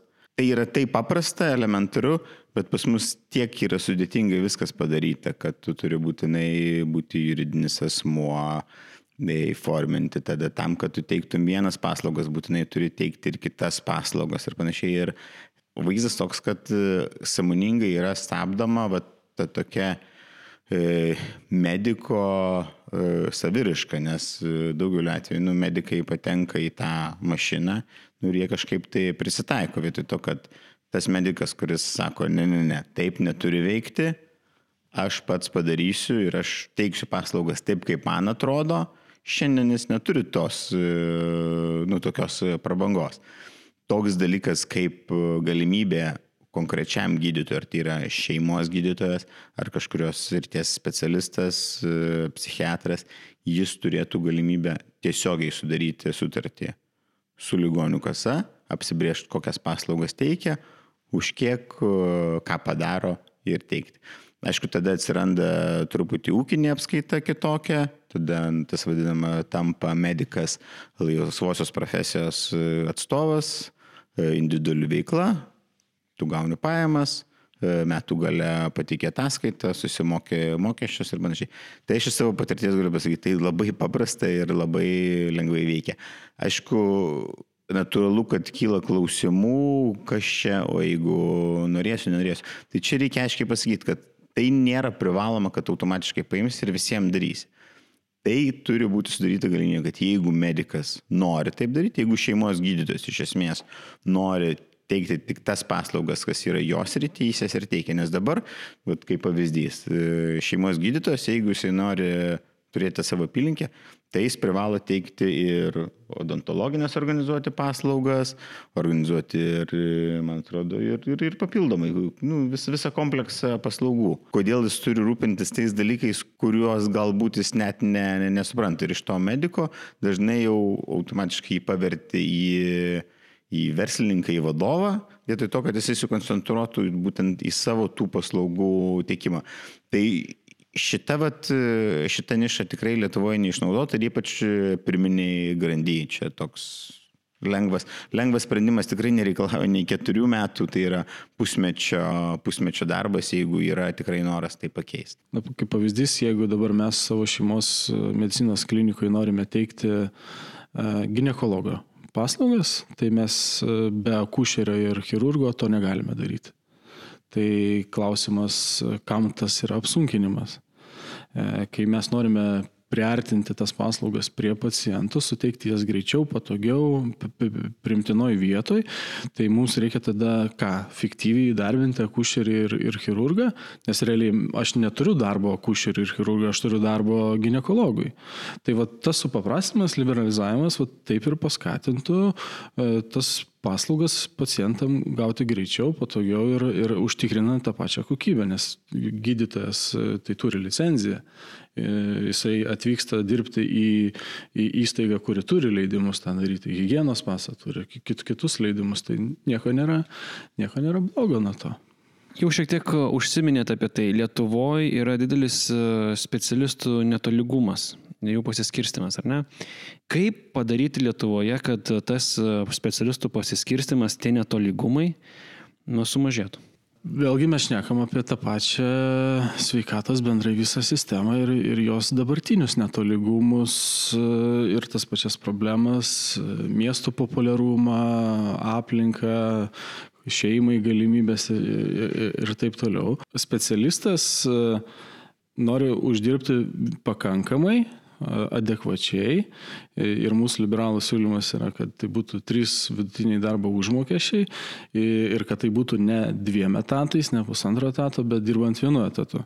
Tai kad, kad tai užtikrinti, vad būtent reikia pakeisti šitą vietą ir tuo pačiu žmogus negali gyventi nuolat ant ratų, jam reikia pastovios gyvenamos vietos ir regionai e, čia kenčia nuo to, dėl to, kad nėra aišku, kas bus su ligoninėm, neaišku, kas bus su konsultaciniam poliklinikom ligoninėse. Ir savaime tas specialistas, jisai rinkdamasis tarp pakruojo pasvalio ir Kauno, galvoja, kur man čia perspektyva geresnė, tai žinoma Kaune arba Vilniui, nes aš nežinau, kas bus pasaulyje ar pakroju po penkių metų, bet aš noriu įsikurti ir gyventi 20, 30, 40 metų. Tai čia ir, čia ir slypi problemos giliau, o tas važinėjimas iš miesto į miestą, jisai praktiškai nieko neišsprendžia. E, kaip ir Vytautas minėjo, kad prieimimo skyriuose kas vyksta ir aš pats žinau, kas vyksta, tai nu, tiksinčios kartais bombos yra. Taip neturėtų, neturėtų būti. E, gerai, kol viskas yra gerai ir gerai, kad Lietuva nėra labai didelė ir gali labai greitai nuvežti į didesnę ligoninę. E, tai kai mes sutvarkysime sveikatos sistemą, kad e, kad bus adekvatus atlyginimas, nereikės e, kursuoti iš Kauno į Pakruojį, iš, iš Vilniaus į, į Uteną, e, tada ir toli, tolygumai susitvarkys, kai mes bendrai visą žemėlapį tvarkingai sudėliosim ir pačią sistemą tvarkingai sudėliosim. Kalbant dabar apie tas tiksinčias bombas, skubi pagalba ir slauga. Tai dabar jūsų vizijoje, kur atsiduria tokie va dalykai kaip ateityje vis didėjantis slaugos paslaugų poreikis ir skubi pagalba? prioritetas čia aiškus yra. Tai, mm, tai, tai yra tie, tie kasdieniškai, tai ten mes ir turime kreipti dėmesį. Skubiai suteikti pagalbą yra gyvybiškai svarbu, o kadangi mūsų su gyvenimo, vat, ne gyvenimo trukmė, bet bendrai visuomenės sudėti yra daugiau vyresnių žmonių, tai mes ten ir kreipkime dėmesį, bet nepamirždami, apie ką mes čia nekartą ir kalbėjom, apie vaikus kalbėti. Tai neduos mums ket, po keturių, po dešimties metų rezultatų, bet duos po keturiasdešimt, po penkiasdešimt metų. Bet mes kažkodėl apie tai esam linkę nepagalvoti arba tiesiog politikam yra nepopuliaru kalbėti apie 40-50 metų į priekį. Tai, tai yra sunkus dalykai e, investuoti į mažą vaiką, kuris, kai bus pensininkas, e, valstybei e, sunaudos mažiau pinigų būtent toje vietoje. Bet šiai dienai, tai taip mes negalime to ignoruoti ir turime kreipti dėmesį. Bet tai ir yra geri dalykai tuo regionui, kad galima pritraukti dar specialistus, sutvarkius visą tą sistemą. Slaugoj gulintis pacientai taip pat reikalauja ir pirminės ambulatorinės priežiūros, ir slaugos prie specialiosios priežiūros.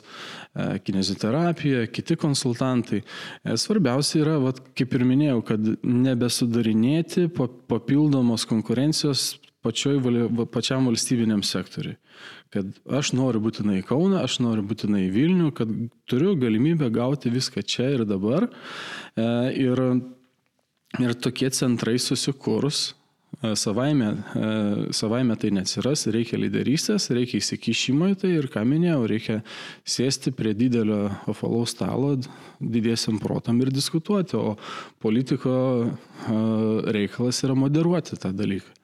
Tai aš gal grįšiu vis tiek dar prie, prie, prieš tai užduoto klausimo dėl specialistų pasiskirstimo ir, ir, ir panašiai. Tai jeigu va, taip tiesiogiai va, paklaustų, tai kur kokių specialistų reikia ir, ir panašiai, tai mano atsakymas būtų nežinau, nes, na, nu, nesusidūriau su pilna analizė studija, kur vat, įvardintų, kiek kur ko susikoncentravę, kur kokių perteklius, kur kokių trūkumas, kaip pasiskirsti apie rajonus, nu, tokie tik tai e, apibriežti, bet tai politiškai arba nu, iš principo, ką mes, ką mes turime matyti ir apie ką mes šnekam ir jau iš esmės užsiminėm, kad e, kai tu per ilgą laiką koncentruoji tiek žmogiškosius išteklius, tiek materialinius išteklius, nu, keliose didžiosiose įstaigose, nu, vėl šnekėkime apie tą Kauną, e, Vilnių, Klaipėdą, tai, nu, natūralu, kad kiekvienas žmogus, kuris turi ambicijų savo srityje, tame tarpe ir, ir, ir medicinos, didelė tikimybė, kad jis vėlgi stengsis likti ten, kur jau dabar yra stipriai teikiamos tos paslaugos, e, tai yra su, sukaupta ir materialinė bazė, turiu omeny e, visos įrangos, kur sukaupti žmogiškieji ištekliai. Ir tęsiant tokią pačią politiką toliau, tai mes ir toliau iš principo stiprinsim tuos e, kelis centrus ir netolygumą tik tai didinsim. Ir kaip atsitinka. Tai nu, mes čia turim šnekėti ir apie tą tokį, nežinau, medicininį lobizmą, kur e, kelios didžiosios įstaigos jos tikrai turi didžiulę tiek politiniai galę, tiek į, į pačius politikus, tiek būtent į sveikatos apsaugos ministerijoje sprendimų prieimėjus. Ir kadangi nėra tos vientisos politikos vizijos, tai praktiškai kiekvienos tos įstaigos e, vadovas, kuris turi įtaką, ką daro, nu, tai stengia pritraukti investicijas į, į, į, į savo tą įstaigą. Nu, ir mes toliau turim besiplenčiančius tuos kelius centrus, bet jie tą daro ne dėl to, kad kažko blogo siekdami, bet kai tu nematai tos bendros vizijos, nu, tai tu dirbi tada dėl to savo, dėl to savo įstaigos ir matom tiek Kaune, tiek Vilniui nu, pakankamai stiprius e, centrus. Ir mes, nu, politiškai tai turi, tą va šitą mes turim sustabdyti. Tai nėra populiaru, e, nes vėlgi dauguma politikų, kai jie turi ar patys sveikatos problemų, ar artimieji, jie ieško kontaktų tuos kontaktus vienaip ar kitaip randa ir čia tų istorijų mes, mes žinom, galų galę netgi kai kurie politikai, kurie stengiasi neieškoti kontaktų, jiem kažkas vis tiek sugeba paskambinti ir pasiūlyti tą paslaugą e, greičiau ir nu, tada tie politikai vėlgi palaiko tą, tą pačią sistemą. Tai čia aš jau vis tiek sakyčiau, kad yra mediko atsakomybės klausimas. Kad tol, kol medikai, sakykime taip, prisidės prie tos telefoninės teisės, kai vat, nu, kažkas paskambina ar iš aukščiau ir sako, va čia priimk tą žmogų greičiau, pasižiūrėk ir panašiai. Tol, kol tas bus, o tai tikrai yra, tol mes apie kažkokį tai tolygumą sunkiai galėsim išnekėti. Tai čia toks, e, tų, turi, turim išnekėti ir apie tas temas, kur apie tą dramblį kambarį, kur visi žino, kad tai vyksta ir tai palaiko tą sistemą. Ir nu, aš čia tą Brazausko e, pavyzdį miniu, kadangi Brazauskas gaudavo labai geras paslaugas, tai jis sakydavo, sveikatos sistema yra puikia. Bet kai mes pasižiūrim realią tą situaciją, panalizuojam, mes matom, kad nėra taip. Tai vad kol nepasakysim, stop, situacija nėra gera, kai kurie dalykai yra įdingi ir jau jie seniai įdingi, jie turi, jie, jie turi baigtis. Ir vėlgi aš dabar tas, tas klausimas, ar, ar politikas, tarkim, sveikatos saugos ministras, ar jisai turi žinoti, ar jisai gali žinoti, kiek būtent kokių specialistų kur reikia, ar jisai turėtų priimti tą sprendimą.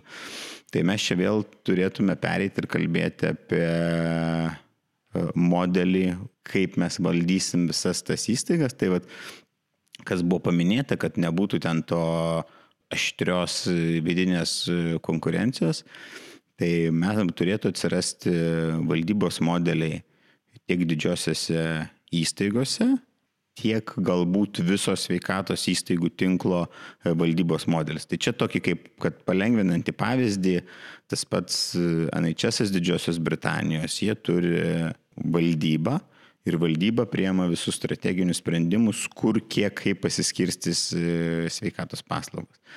Nes tai, ką mes turim dabar, kaip politikam paliekama valia E, paskirstyti, nu tai matom, kai yra ten iš vieno universiteto politikas arba ministras sveikatos, ta įstaiga gauna prioritetą, jeigu iš kitos e, kita įstaiga.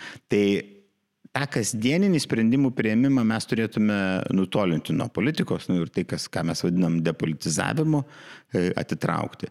Tie sprendimai turi būti prieimiami iš esmės ne, ne, nepriklausomų valdybų. Politika turi suformuoti aiškiai žinutę, ko mes siekiam. Nu, tai bet šiandien mes siekiam tai, kad būtų tolygesnis pasiskirstimas sveikatos paslaugų ir nereiktų visiems važiuoti į kažkurios tai didžiosius centrus, o jau tą įgyvendinimą turim nutolinto politiko. Jeigu mes paliksim uh, politikam toliau priminėti, rezultato mes negausim. Tikrai bus noras pamaloninti savo apygardą ar ten, e, sakykime, ten, kur, kur, kur tavo partija turi kažkokią tai didelę įtaką. Tai tą turim, tą turim aiškiai suprasti. Arba vėlgi turim grįžti prie, prie to pačio, kad daugiau įgalinti patį pacientą pasirinkti ten, kur jisai gauna kokybiškas paslaugas, bet turim atitolinti tiesiog politikus nuo kasdieninių sprendimų prieimimo. Mm. Tai reiškia, atitolinant e, politikus nuo tų kasdienių sprendimų neprieimimo, kaip jūs sakote, centralizuojant valdymą tinklo iš esmės, reikėtų įsteigti valdybą, tokią administracinį vienetą, kuris rūpintųsi to tinklo e, visais optimizavimo reikalais ir panašiai, ar ne? Jo, tai pavadinkim tai, aš kažkaip pertraukiu, pavadinkim tai uždarą akcijų bendrovį Lietuvos sveikata, kurios teigėja sveikatos apsaugos ministerija, ten yra valdyba, e, valdyba renka įstaigų vadovus, ne taip kaip dabar ten pats ministras pagal sunkiai suvokiamus kriterijus, e, valdyba renka, prieima sprendimus, prieima sprendimus būtent kaip visas tas, kaip visos tos įstaigos e, turi, kiek tų įstaigų turi būti ir kaip jos turi būti išsidėščiusios. Kas būtų valdybos sudėtyje? Daugeliu atveju tai turėtų būti renkama, renkama valdyba. Kas dalyvautų tuose rinkimuose? Yra konkursas paprastai yra daromas. Taip kaip nu, dabar yra daroma, yra valstybinių įstaigų, kur yra formuojama valdyba ir yra skiriami e, valdybos nariai. Tai didžioji dalis, tai aišku, turėtų būti nepriklausomi valdybos nariai ir jie atliktų, atliktų tą darbą. Jo, tai būtų kaip papildyčiau kaip samdomi, samdomi darbuotojai, kurie neštų pilną atsakomybę už tai, o nebūtų politiškai suinteresuoti arba kažkaip kitaip. Supratau. Ir reiškia, kad ta valdyba galų galę priimtų sprendimus, pagal kokius apskritai rodiklius turėtų būti valdoma sveikatos apsaugos sistema. Ne, tai sakau, tas, vat, nu, po, po, politiniam lygiai tu nustatai tikslus, ko tu nori padaryti, tai, nu, vat, tarkim, padidinti tolygumą, sumažinti išvengiamų mirčių skaičių, tu nusistatai rodiklį ir jie tada priminė sprendimus, kaip tą, kaip tą įgyvendinti. Ok, tai dabar mes rodikliai patys vis dėlto liktų politinis sprendimas kaip kryptis kažkokia, ne? Taip, taip, bet tavo įgyvendinimą, kaip to pasiekti, tai jau nebe, ne, nebe politikai turi. Kokie dabar, pavyzdžiui, įsivaizduokim, ar ne, laimėti rinkimus, ministrai, viceministrai, komitetų pirmininkai esat, e, už nugaros dauguma, e, koalicija. Kokiais rodikliais e, vadovaudomėsi valdytumėte sveikatos apsaugos sistemą? Ne, tai pagrindinis rodiklis visą laiką yra išgyvenamumas, tusme, žmogaus ilgamžiškumas, kiek yra numatoma žmogaus gyvenimo trukmė. Tai yra vienas nukirtinių dalykų, kas, kas parodo visos šalies sveikatos e, sistemas, kiek jinai efektyvi ir kitas e, dalykas yra išvengiamų mirčių skaičius. Jų turi, turi ženkliai e, mažėti. Vėl paskui sekantis rodikliai, tai kurie tam tikrą prasme jie vienas kitą papildantis, tai E, visų, sakykime, onkologinių e, susirgymų, jų mirtingumas turi ženkliai mažėti ir be abejo didėti ankstyvą diagnostiką ir panašiai, bet vėl tai tu nepadarysi to, ne, ne, nestvarkės visos sistemos ir neskirias tam, e, tam resursų. Tai čia turbūt tokius tris pagrindinius rodiklius, kuriuos turėtume įvardinti. Tie dalykai yra, aišku, labai svarbus. Onkologija, širdies kraujagyslių, aišku, yra lygos, kur mes matom, kad daugiausiai yra E, susirgymų ir, ir netgi fiziškai matom, kad ligoninėse yra daugiausia skyrių tokių.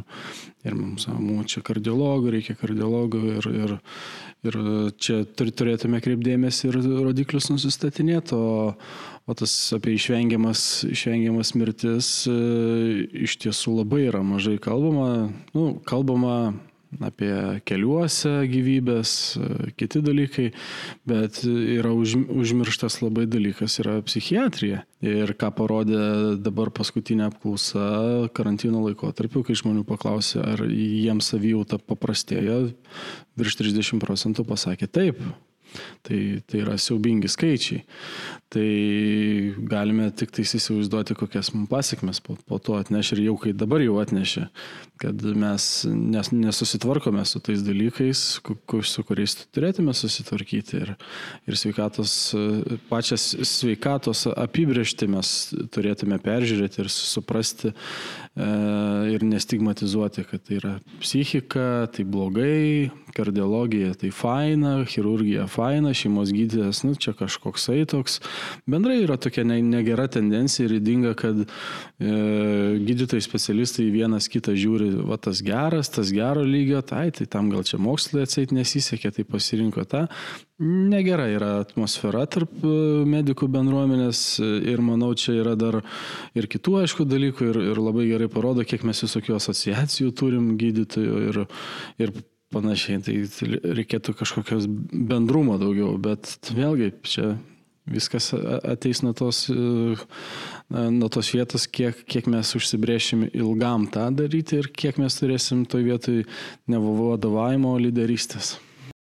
Toliau apie pirminę sveikatos priežiūrą. E, yra paskaičiuota, varsme, valstybės kontrolė yra davus tokius skaičius, kad bent jau penktadalis šeimos gydytojo darbo yra atliekama nu, žemesnės negu jo kvalifikacija. E, kaip planuojate efektyvinti pirminės sveikatos priežiūros grandį, palengvinti galbūt šeimos gydytojų darbą? Aš tai visada sakau taip, kad gydytojai reikia leisti gydyti visų pirma, tai, o ne liepti jam rašyti. Nes dabar metraštininkai ne, neblogai yra gydytojai. Tai kažkada tai kaip istorinius, tikriausiai archyvinius dalykus kažkas skaitys ir sakys, nu šitie tai buvo kieti, jo, su savo laiku, kaip kažkada leisiu savo pajakauti, kaip vienuoliai perrašinėdavo kažkokius tai dalykus. Tai e, šaržuoju, aišku, labai stipriai, bet e, šių dienų situacija yra tokia, kad, kad gydytojas skiria labai nedaug laiko pacientui ir labai daug laiko popieriui. Tai, vat, tai ir ar tikrai čia yra reikalinga gydytojo kompetencija popieriui skirti ir, ir dubliuoti, sakykime, įrašus e-sveikatoje ir po to kortelėje. E-sveikata pasirodo mūsų nėra nei kad netobula, jinai yra pasirodo absurdiška, jinai yra neapsaugota net fiziškai. Nebešnekant jau tada kyla įtarimų, tai kaip jinai tada jau buvo čia skandalų kibernetiškai yra apsaugota. Tai yra privačių dalykų, turiuomenį sukurtų įrankių, kurie sėkmingai veikia, Bet mes šitoj vietoje ėmėme ir išleidome milijonus, milijonus eurų, neturime patogaus įrankio, jis yra trukdantis įrankis. Mes sukūrėme tokias aplinkas, kada keistai veikia daug visokių tai posistemių. Vienos jos yra geresnės, kitos yra prastesnės. Ir čia mes turime iš, iš principo išspręsti šitos dalykus ir gydytojui skirti laiko nebe 5 minutės pacientui, bet bent jau 15-20 minučių, o kitus dalykus nukrauti ant kitų, kitų specialistų. Pagaliau pasitikėti šeimos gydytoju, kad jisai gali nuspręsti, kada vienokius vaistus paskirti, ar kitokius, ar vienokį gydimą paskirti, o ne išsiuntinėti jį po eibę specialistų, sudaryti dirbtinai, dirbtinai kažkur tai eilės, nes, nu, vat, pagal įstatymo raidę aš negaliu dabar to vaisto išrašyti, jeigu nepakonsultuos X specialistas, nors ir taip taip aišku, kad jam reikia to. Tai pasitikėjimas šeimos gydytojų, šeimos gydytojo kompetencijom pasitikėjimas, nukrovimas biurokratinių dalykų ir nu, pagaliau pagaliau prisimkim kažkas atsakomybę už, už esveikatos, nu, pasakysiu dar žiūriu, nesąmonės. Nors ministras sako, kad atsakomybė yra paskutinė eilė, bet nu, aš manau kitaip, kad atsakomybė yra pirmoji eilė, Aišku, gaisrus reikia gesinti, bet ant, jau kai gaisras užgesintas, einam žiūrėti, kas yra ne taip ir kas yra už tai atsakingas. Ir ne taip, kad pašalinti iš kažkokio posto kažką, tai, tai, tai problemos neišspręs, tai nėra atsakomybės prisėmimas. Nu, paimkim ir pažiūrėkim, ką reikia iš tikrųjų daryti. Na, baigim šitą absurdą. Man, man labai sunku kalbėti apie bėdas, nors apie tas bėdas galėtum sustoti ir nu, iš esmės šnekėti ir net nepateikiant e, pasiūlymų, bet gal pavyzdį pasakysiu man, kai aš baigiau universitetą, nu, tai vėlgi mes viską rašydavom į papirinę kortelę, pildydavom tos popierius, darydavom visokios biurokratijos ir 2004 metais aš išvažiavau į Didžiąją Britaniją Ir ten jau niekas nebuvo rašoma į popierinę kortelę, viskas buvo pildoma į kompiuterinę sistemą. Ir kol aš buvau Britanijoje, ten dar ne visos įstaigos buvo perėjusios prie, prie pilnai tos vadinamos paperless e, praktikos. Ir aš pradėjau dirbti vienoje, kurioje popierinės e, kortelės yra. Tai mano tokius subjektyvimų pakankamai vertinimų, vien tik nuo to, kad e, tu pildai tą papirinę kortelę, tavo produktyvumas turbūt krenta 30 procentų. Tai va, nu, pavyzdys, koks yra vidinis resursas, bet dabar kalbėti apie tą paperless praktiką, kad visiškai neliktų popierių šių dienų aktualijų fone prie, prie nu, sakykime taip, ne, ne, nu, ne, ne, nefunkcionuojančios e-sveikatos arba E, netinkamai funkcionuojančios, nu, yra skaudu ir kai gydytojas gauna įrankį, kuriuo jis negali pasitikėti, turi dubliuoti vat, su, su, su kažkokiu tai senu įrankiu, tai nu, mes jį vėl apkraunam. Visgi klausimas, kaip mes iš to turim išeiti. Tai atsakymas yra realus, mes turim padaryti ir čia jau nuo nieko kito nepriklausys, kaip tik tai nu, vat, nuo vykdančiosios valdžios, kad esveikata veiktų sklandžiai, ar mes dabar naudosim e, platformą, kuri yra dabar tokia, kaip, kaip po tokia yra ir tobulinsim, ar kursim visiškai nuo naujo, kas iš karto pasakys, kad čia vėl nori dar, dar 40 milijonų išplauti, bet faktas, nu, mes turim pasakyti, mes turim sukurti kokybiškai veikiantį įrankį, arba mes jį sukūrėm ir naudojam, arba tada visai nenaudojam. Ta prasme, negalima tai padaryti, kad, žinai, nu, gal kažkaip tai. Ir vėlgi, nu, mes tą patį, nežinau, čia gal aišku, tą sveikatą dar atskirų klausimų mes kalbėsim, bet čia galima turbūt iki, iki numirimo. Tai va vienas dalykas, kad turim sukurti gydytojai patogius e, įrankius. Šio, šiai dienai, nu, tai ta paperless praktika, tai yra įrankis, kuris leistų tikrai sumažinti visos biurokratijos dalykas. Ir kitas dalykas, e, tai va kai, kai buvo paminėta, kad jisai daro jo kvalifikaciją, gydytojo kvalifikaciją netitinkančius e, darbus.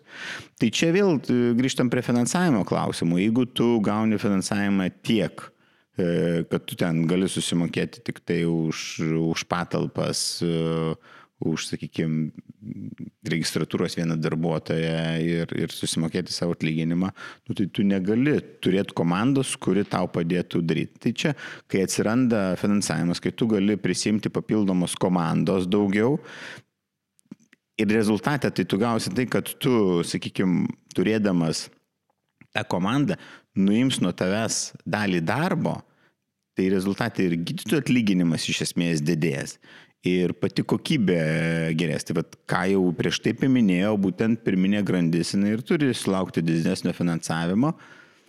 Konkrečiai skaičiais, tai iš to pačio privalomo sveikatos draudimo fondo turi būti ne 17, bet turime eiti link 20 ir paskui jau palaipsniui link 25 procentų nuo privalomo sveikatos draudimo viso fondo. Tai va čia yra, yra, yra kelias, kaip užtikrinti, kad būtent gydytojas susikoncentruotų į pacientą, dirbtų su pacientu, o ne, ne pašalinius darbus, kuriuos gali atlikti kiti.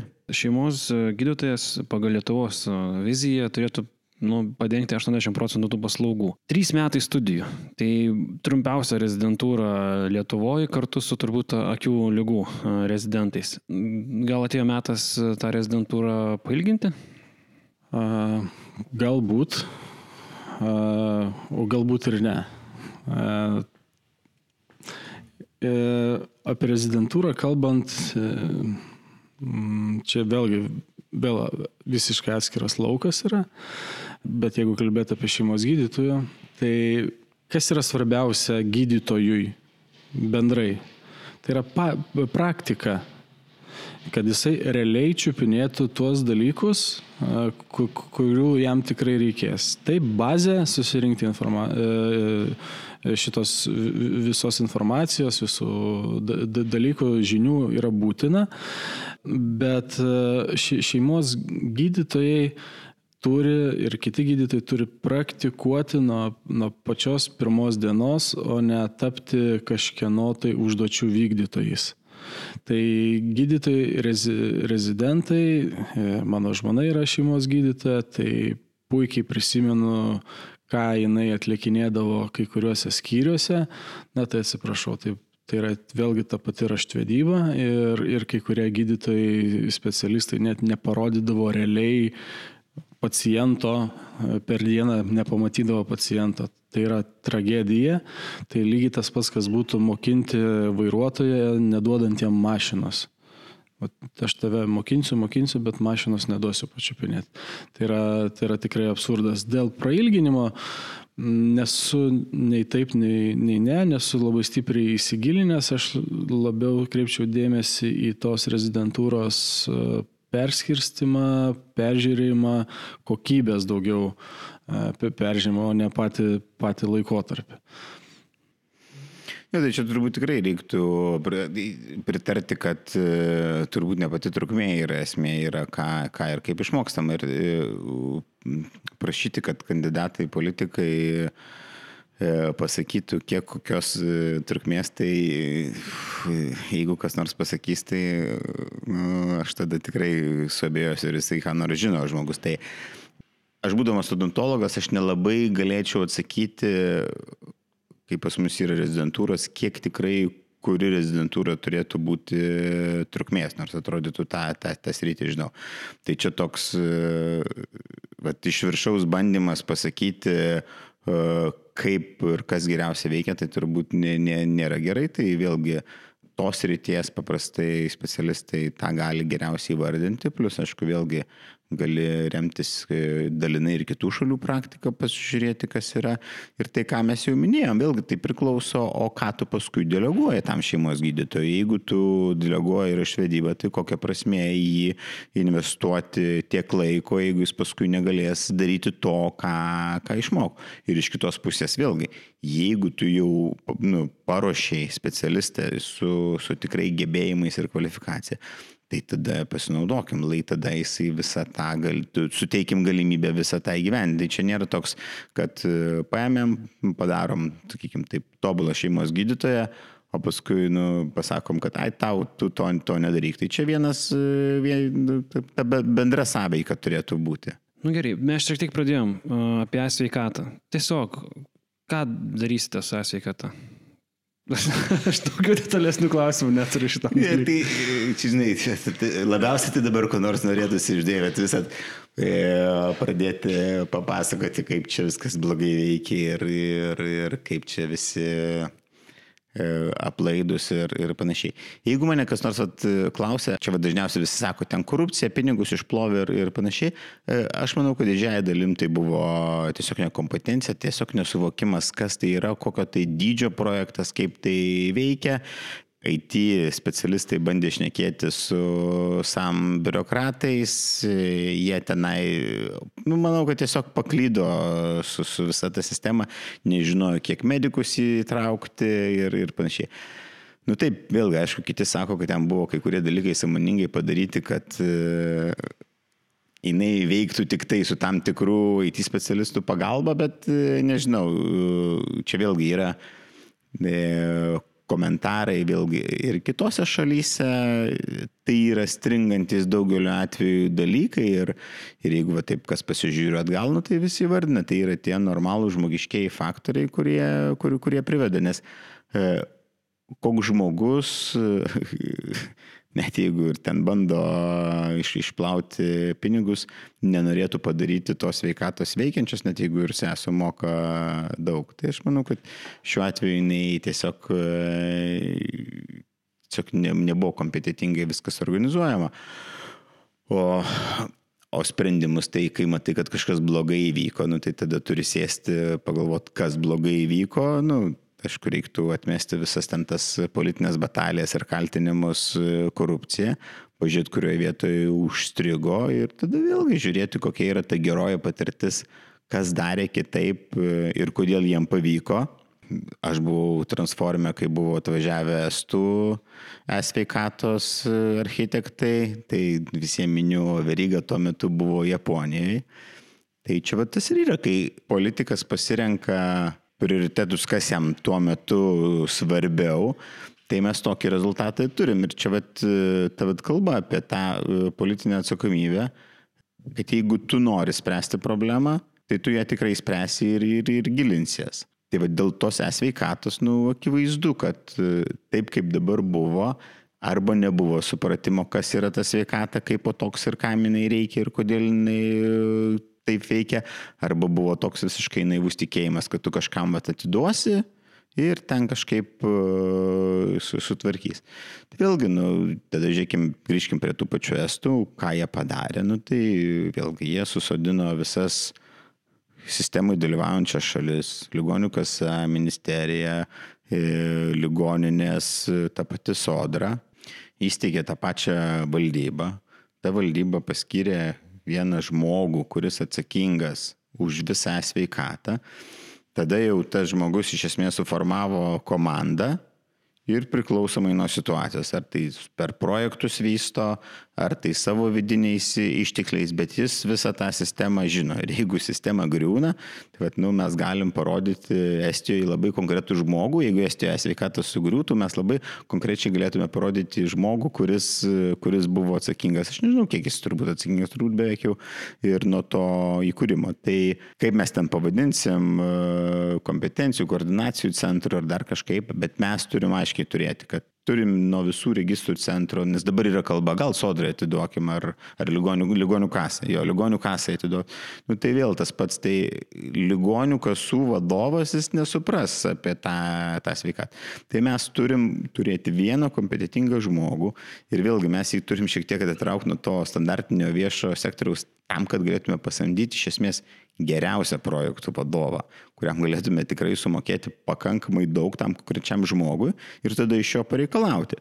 Ir mes turim tokių modelių, ten ta pati versli Lietuva kaip pavyzdys tokiu principu veikia ir mes matom, kad tai veikia ir Lietuvoje. Nu, tai vat, turim, turim pavyzdį, struktūrinį pavyzdį e, žiūrint tam kasdieniam vartotojui, tai nu, labai sunkiai vat, susisieja, kaip čia va, ta struktūra veikianti, neveikianti, padarys taip, kad tas rutuliukas ne, ne, nebezisuks. Bet nu, viskas prasideda nuo, nuo valdymo modelio. Tai mes jį, aš vat, apie tai ir šneku, koks jis turėtų būti e, suformuotas. Ir čia atsakymą, ar tai tikrai veiks, nežinom. Tai negarantuoja šimtų procentų e, veikimo, bet e, ką mes turime tų gerųjų pavyzdžių, tik tai vėl žiūrim ten jas taip e, kartais prastai. Komercinės, sakykime, trečios šalis, e, komercinės įstaigos, jos kartais optimizuoja visą tą veikimą, kad net ir tą prastai sveikatą sukurtą, E, sujungia visas sistemas veidrą, sodrą su esveikata ir gydytojui tampa normalus įrankis vietoj to, kad nu, jau iškart galėtum iš esmės tokią, tokią, tokį kokybišką įrankį atiduoti e, praktikui, tai kol neteina privatus sektorius, kurį mes kartais demonizuojam, jisai sutvarko ir, ir, ir padaro. Nu, tai tu natūraliai galvoji, jeigu tokiu vadovaujantis principu būtų tvarkoma visą tą sveikatą, nu, tai galėtų jinai puikiai puikiai veikti. O tas, kad lygiai greičiai dviejų duomenų centrų nebuvo veikiančių, tai nu, parodo aplamai požiūrį. Ir ta, tas sveikatos pavyzdys čia šiuo atveju yra toks, kad tai parodo ne tik, vat, kaip mes įgyvendinam ir, ir vykdom tos, tos procesus e-sveikatų, bet iš esmės visoje sveikatos sistemoje. Tai toks, nu, ta sveikata tapo kaip, kaip, kaip simbolis, tam tikrą prasme kaip federis, atrodo kaip ir veikia, tik tai šiuo atveju, kad, nu, kai sveikata užlūžo, tai jinai užlūžo pilnai, nu, sveikatos, sveikatos sektorius kaip po sistema, jinai tokia nebus taip, kad jinai visiškai užlūž, bet tų problemų jos labai, labai yra analogiškos. Iki pirmo protesto turbūt, o pirmas protestas bus ir dar užlūžus įganas. nu jo, iki gal kol, čia turbūt jo vienintelis tas užlūžimas, tai kai medikai išeis į gatves ir, ir pareikalaus. Apie truputėlį apie medicinę edukaciją. Jūsų nuomonė, šiandien Lietuvoje sveikatos specialistų poreikio analizė ir planavimas, ar jie yra pakankami? Aš tai nežinau, ar jinai aplamai yra. Ar, ar jie daro kas nors? Jo, ar jinai jinai yra tokia ir e, aš manau, kad e, vėlgi, nu, jaunųjų gydytojų asociacija tą patį kėlė klausimą transformę, buvau, e, buvau irgi tam transformė, diskutavom, tai nu, aš suprantu, kad ta Salginai vėlgi nesprendžiamas ir, ir mažai diskutuojamas klausimas, bet aš pasikartosiu, ar tikrai politikai gali tą klausimą išspręsti. Abejoju, jie turi iš principo politikai turėtų pasitikėti medikų bendruomenę, klausti jų, išgirsti ir, ir, ir, ir tos sprendimus įgyvendinti. Mano, mano požiūriu ir mano aplinkos požiūriu, tai nuo ko reikėtų visą tai pradėti, tai turėti žemėlapį, lygų žemėlapį, tendencijų žemėlapį, kas vyksta, link kur judam, kas įtakoja, turėti bendrą visą planą Tai vėlgi reikalinga didžiulė, didžiulė analizė, kad, kad būtų įvairiais pjūviais viskas sudėliota ir, ir tada prognozuoti, prognozuoti ir tinkamai ruošti, nes dabar būna taip, kad priruošiam, o po to prirašom į įstatymus, kad jiems suduoti darbo. Tai geras pavyzdys šitoje kadencijai buvo sveikatos specialistų pareigybė tokia atsiradus specialybė ir visi traukė pečiais, kur mes dabar juos čia turėsim padėti. Ką... Sveikos gyvensinos. Jo, sveikos gyvensinos turiu omeny. Kur, kur juos mes, ką, ką mes jiem turėsim daryti. Dabar labai yra panašu su dar vienu sprendimu, kuris labai daug kelia diskusijų ir, ir labai daug e, yra suirutės. Pirminė ambulatorinė grandy pasakyta, jeigu nori teikti slaugos paslaugos namuose, turi nuo naujųjų metų turėti du etatus, pilnus du etatus slaugytojų padėjėjų ir kineziterapeutą nepriklausomai ar tu esi Kauno klinikos, ar tu esi pakruojo šeimos medicinos klinika privati su e, šimtais kartų mažiau pacientų. Tai, tai klausimas tada vėl čia, kas, ką norima daryti, ar čia norima tiem specialistam suteikti, suteikti darbo, nes jų buvo priruošta, ar čia norima kažkaip kitaip su mažiukais susitvarkyti, bet, e, bet čia tokie pavyzdžiai, kad E, mes adekvačiai nesuprantam. Reikia kardiologų. Priruošiam kardiologų, o ką, kaip jiem dabar čia ką daryti. Nu, tada siūskit šeimos gydytojai konsultuotis ten tą ir tą. Nu, pas mus kažkaip viskas atžegariai, atžegariai yra daroma. Reikia tikrai tą padaryti ir aš neįsivaizduoju, Aš visada bandau analogiją pertikti į privatų verslą ir privačias struktūras. Tai e, privatus, sakykime, verslas sakytų, nu dabar padarysim 10 darbo naujų vietų. Ir be jokios analizės. Kam to reikia, dėl ko reikia. Tai dabar liktais valstybė panašiai kažkaip ir elgesi. Padarom, bet nežinom kodėl. Tai verslas niekada taip nedarys. Skaičiuos, analizuos, Ir mes valstybėje turim tą lygį daryti, skaičiuoti, analizuoti, prognozuoti, žiūrėti socialinius dalykus, ne visada viskas išsiverčia į ekonominę naudą, tai yra ilgalaikiai dalykai, kad visuomenė būtų sveika, bet, bet privalome ir analizuoti turim ne tik šiandien, bet turime analizuoti, kas buvo prieš 30 metų, kas, kas įvyko pasaulyje ir, ir Lietuvoje per, per tą laikotarpį, ką COVID mums atneš, ką, nes nu, nėra tik tais fiziniai susirgymai, yra ir, ir psichiniai susirgymai. Tai kaip kitaip? Turim tą daryti. Jo, čia gal tai iš tikrųjų papildant tą, tą vat, sprendimų prieimimo architektūrą arba hierarchiją, kaip, kaip, kaip vyksta. Tai uh, Iš ten irgi vieną kartą buvo tokia, tokia situacija, atėjo ligonių kasų specialistai ir man vat, pradėjo klausinėti, vat, tai kiek aš čia tai procedūrai įgyvendinant sunaudosiu, sunaudosiu medžiagų. Aš kažkaip geranoriškai ten pradėjau rodyti šito taip, šito gal tiek, ten rašėsi, skaičiavo, skaičiavo.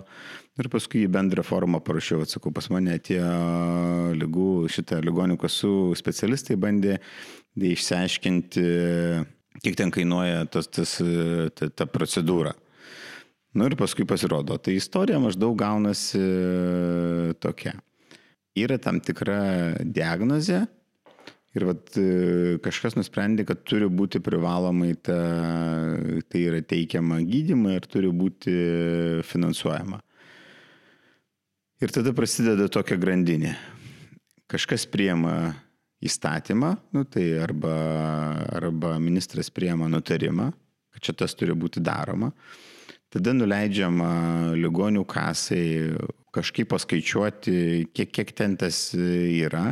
Tada ligonių kasa bando išsiaiškinti, kas, kas čia yra. Nežino, net, net, net Sprendimas jau priimtas, bet niekas net nežino nei kiek tų procedūrų reiks, nei ką, nei kaip.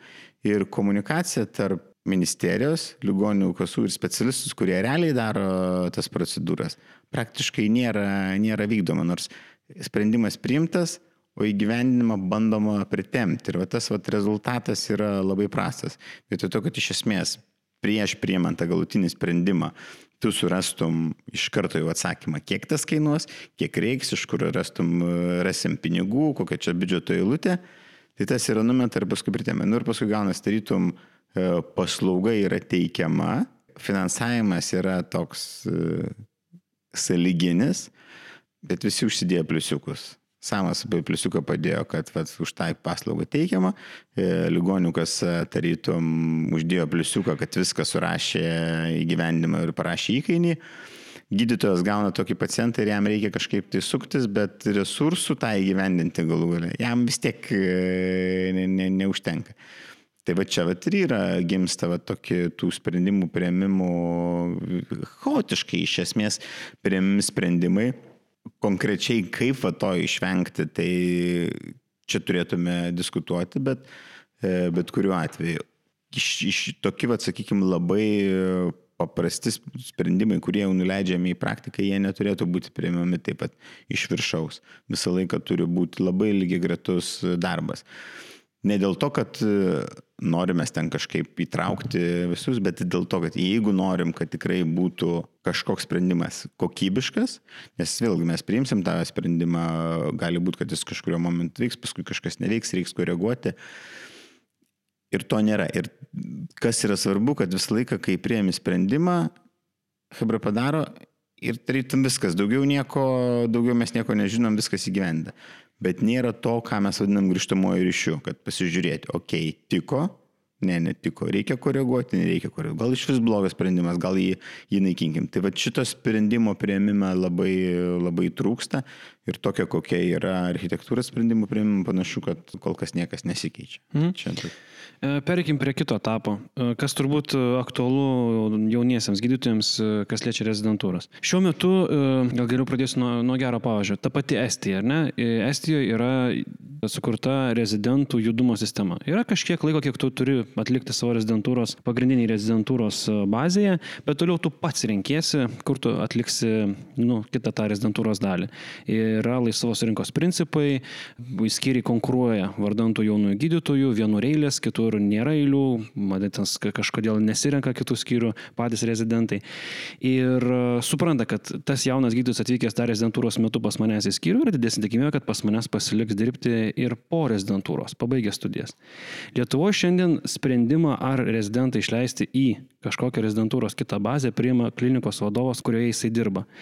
Ir e, va čia ir iš karto kyla tokių klausimų, skaidrumo klausimų ir panašiai. Ar tas klinikos vadovas yra suinteresuotas, kad jo rezidentas išvyktų uh, į kitą ligonę kažkur atlikti rezidentūrą? Lietuvoje jau N metų į pagrindinės šiuo metu esančias rezidentūros bazės didėjantis yra pacientų srautai. Etatų skaičius netaip labai. Ir yra gydytojai rezidentai, kur yra nemokama darbo jėga, įstaigai nereikia mokėti atlyginimų uh, už, už, už atliktas kažkokias paslaugas, atskirai mokama iš SAM uh, fondo. Kaip padaryti Lietuvoje, kad uh, rezidentai galėtų išvykti kitas, uh, kitas įstaigas atlikti savo rezidentūras? Tai už, užduodant klausimą praktiškai jau buvo ir atsakymas e, pateiktas, ką, ką, ką reikia padaryti. Nu, tai, taip, tu iš esmės turi suteikti galimybę, kad jisai bet kur galėtų judėti ir, ir tą daryti. Nu, ir aš e, suprantu, kad e, kiek dabar jau 3-4 metai, kaip e, etapinės kompetencijos vis. E, Nuo 19 metų sausio 1 įsigaliojo įstatymas. Ne, ne, bet aš turiu omeny, kad aplamai klausimas, jisai Ai, buvo pradėtas. Jo, jo, jo, jo. Tris turbūt metus. E, pradėtas, pradėtas keltai pavyzdys. Tai prie ko aš ir prie ko mes jau šnekėjom, vėlgi apie tą patį valdybos modelį kuri būtų atsakinga už visos Lietuvos sveikatos sistemą, nes jeigu nu, mes, nu, nori, nenorint, tai mes šitų universitetų vis tiek ne, nepristeigsim. Aišku, galima, galima aplamai galvoti apie tokį dalyką, kad mes darykime tą modelį tokį, kad yra tos diplominės studijos ir jau kai išnekam apie rezidentūrą, tai nu, keiskim tą pavadinimą, kad būtų gal paprasčiau komunikuoti tada jau yra jaunasis gydytojas, junior doktor. Ir viskas, ir jisai turi laisvę judėti ten, kur, kur, kuris nori ir atitinkamai jau paskui specializuotis.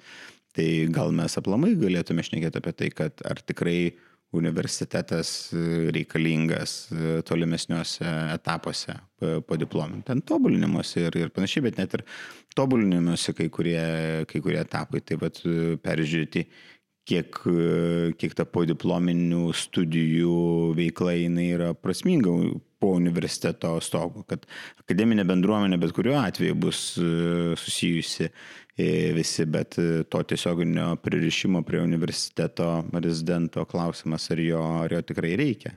Nu, čia, čia ne, aš neturiu atsakymą, čia tik tai vat, nu, pamastymas, kad galbūt universitetas ir yra, kada jisai ruošia mediką, e, kai tu jau turi magistro laipsnį, tu esi, esi gydytojas, jaunasis gydytojas ir tada jau toliau, toliau keliauji ir atitinkamai e, tobulėjai. Nes kartais mes irgi dabar žiūrim, kaip, kaip ir lyginant su ta Didžiosios Britanijos sistema, tai yra junior doktor, bet pas mus realiai, jeigu jau baigėjai antrinį rezidentūrą, tai ten beveik iš karto konsultantų gali, gali tapti kas nu atrodo labai, labai drąsu po, po, po, trijų, po trijų, keturių metų. Tai va čia nu, toks, kad galbūt ir tas kelias e, kartais galėtų būti kitoks rezidentūros, bet e, vėlgi čia gali išradinėti įvairių tų dalykų, bet nu, yra, yra geriai pavyzdžiai, jūsgi atsisėdate, išnagrinėjote, tą pasiūlėte ne dėl to, kad ten iš kažkokio tai didžiulio egoizmo, bet tam, kad tai, kad tai kitur veikia, Tai, nu, kodėl, kodėl to pačio nepasidaryti? O kaip dabar vat, išvengti mums to to egoizmo, kad ar ten universitetinės ligoninės vadovas, kuris, na, aišku, nenorės paleisti, nes tai yra nu, labai, labai patogu tos rezidentus turėti. Tai esmė, kad ir pats įstaigos vadovas, jisai turi būti prieš, prieš kažką atsakingas. Tai jeigu jis dabar atsakingas e, prieš politiką, tai ten jokios atsakomybės jisai neturi. Jeigu jis turėtų atsakomybę prieš valdybą, tai nu paklaustų, ar čia viskas gerai, vadovas tada turėtų atsakyti, nu, arba gerai, arba blogai. Ir nu, tada greičiausias atsakymas būtų, kad, nu, okei, okay, leidžiam jam judėti plačiau tam, kad, tam, kad atsirastų tolygumas didesnis paslaugų teikimo. Tai čia, čia vėlgi mes grįžtam ir, ir, ir prie tų pačių sveikatos įstaigų, ligoninių, universitetinių ligoninių vadovų atsakomybės klausim. Prieš ką šiandien atsakingas yra įstaigos vadovas, ar tai santrų klinikų, ar, ar, ar, ar Kauno klinikų prieš ministrą. Nu, tai kai mes suprantam, kad e, greičiausia būtent šitų įstaigų vadovai yra didelesnės galios negu net e, pats ministras kai kuriais atvejais. Tai, tai vat, nu, ir turim tokį rezultatą, bet jeigu išimtume tą, vat, įdėtume tarpą tarp politiko ir įstaigos vadovų, tai atsakomybė atsiranda iškesnė. Ir kitas etapas, e, kokia yra jūsų nuomonė apie kvalifikacijos kelimo kursus šiuo metu Lietuvoje?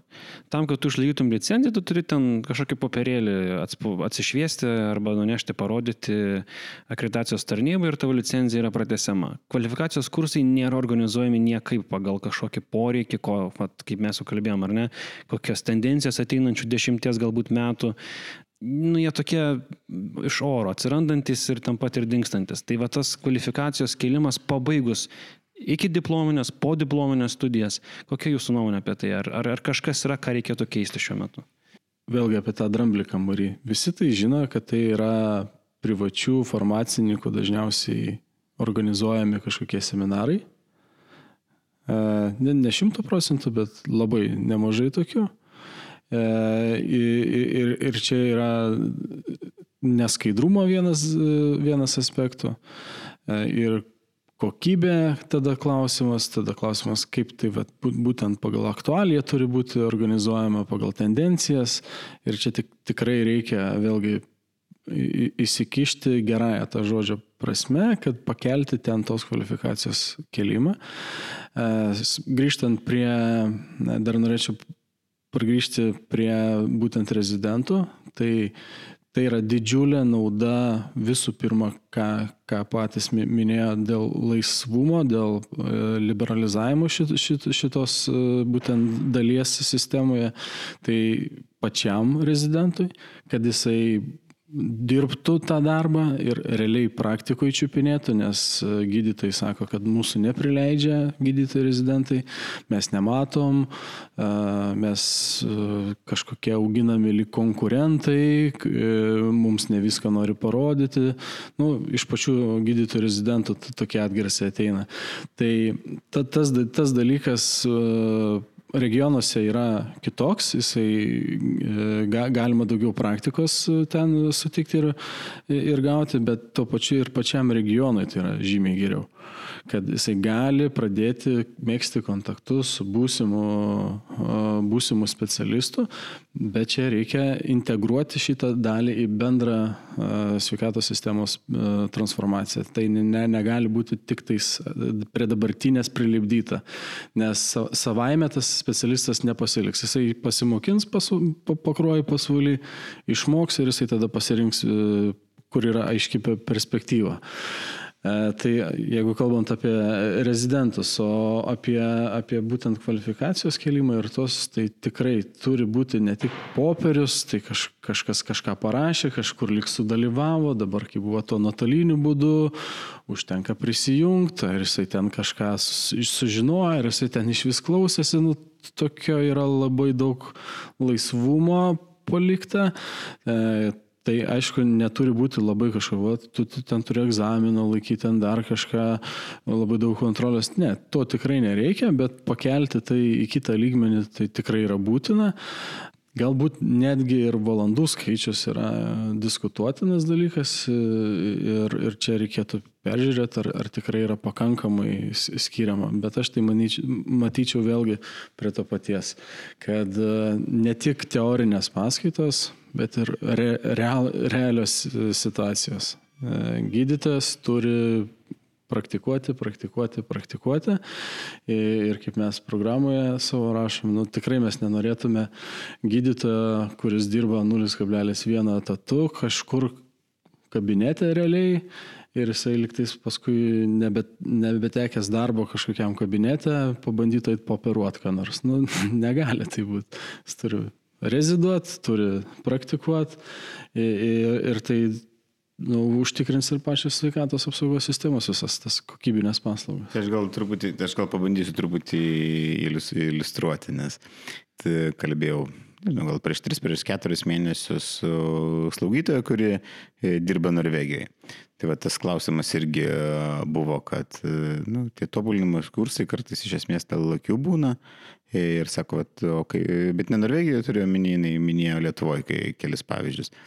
O, kad sako, kaip Norvegijai, nu tai tu ateini dirbti, jeigu tau yra paskiriamas funkcijos, kurių tu nežinai kaip įgyvendinti, tai yra paprastuoju būdu yra surandama, kur tave kas gali apmokyti, tu nuvažiuoji ten į kitą miesto ligoninę, susitari, e, tau parodo viską, paaiškina ir viskas, tu grįžti su įgyta kvalifikacija ir tas vyksta tokiu e, paprastoju, grubiai sakykime, būtiniu būdu, vat, e, mokaisi ten, kur jau kažkas tai, kažkas tai yra. Tai va čia toks podiplominis.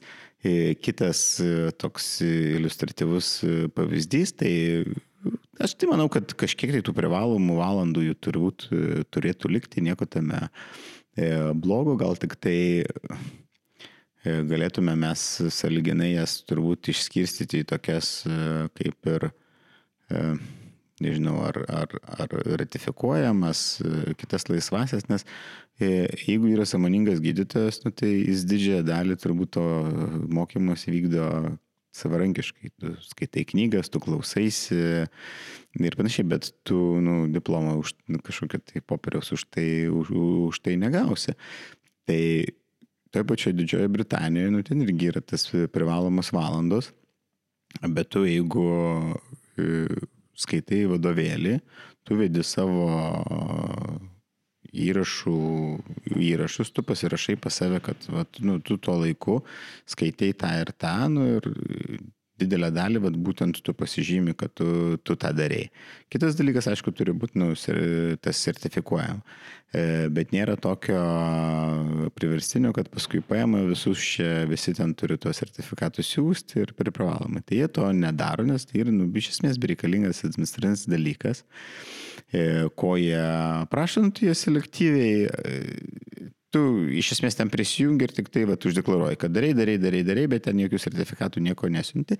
Ir jie tiesiog selektyviai nedidelį procentą, man atrodo, apie 10 procentų visų, kurie yra, e, turi licenzijas, paprašo atsiųsti, patikrina, ar jie iš tikrųjų tą, bet ką ten uždeklaravo per, e, grubiai sakykime, per 5 minutės, ar tikrai tą viską turi. Ir viskas, nu ir o kokia prasmė visus šimtų procentų ten dokumentus tikrinti ir, ir, ir panašiai, tai nu, yra tiesiog e, perteklinis biurokratinis dalykas, kuris kuris, kuris gali būti, nes vėlgi aš sakau, nu, tai jeigu, tai jeigu mes darom tą paprastuoju būdu, kad e, jeigu tu kažko nežinai, nemokai, tiesiog nueini išmokai, bet jeigu tu nueini pas kolegą mokytis, Tai, nu, jis tau taip, at, nu, ne, kaip jis tau išrašys e, sertifikatą, kad va, čia mokėsi kažkurio tai specifinio dalyko.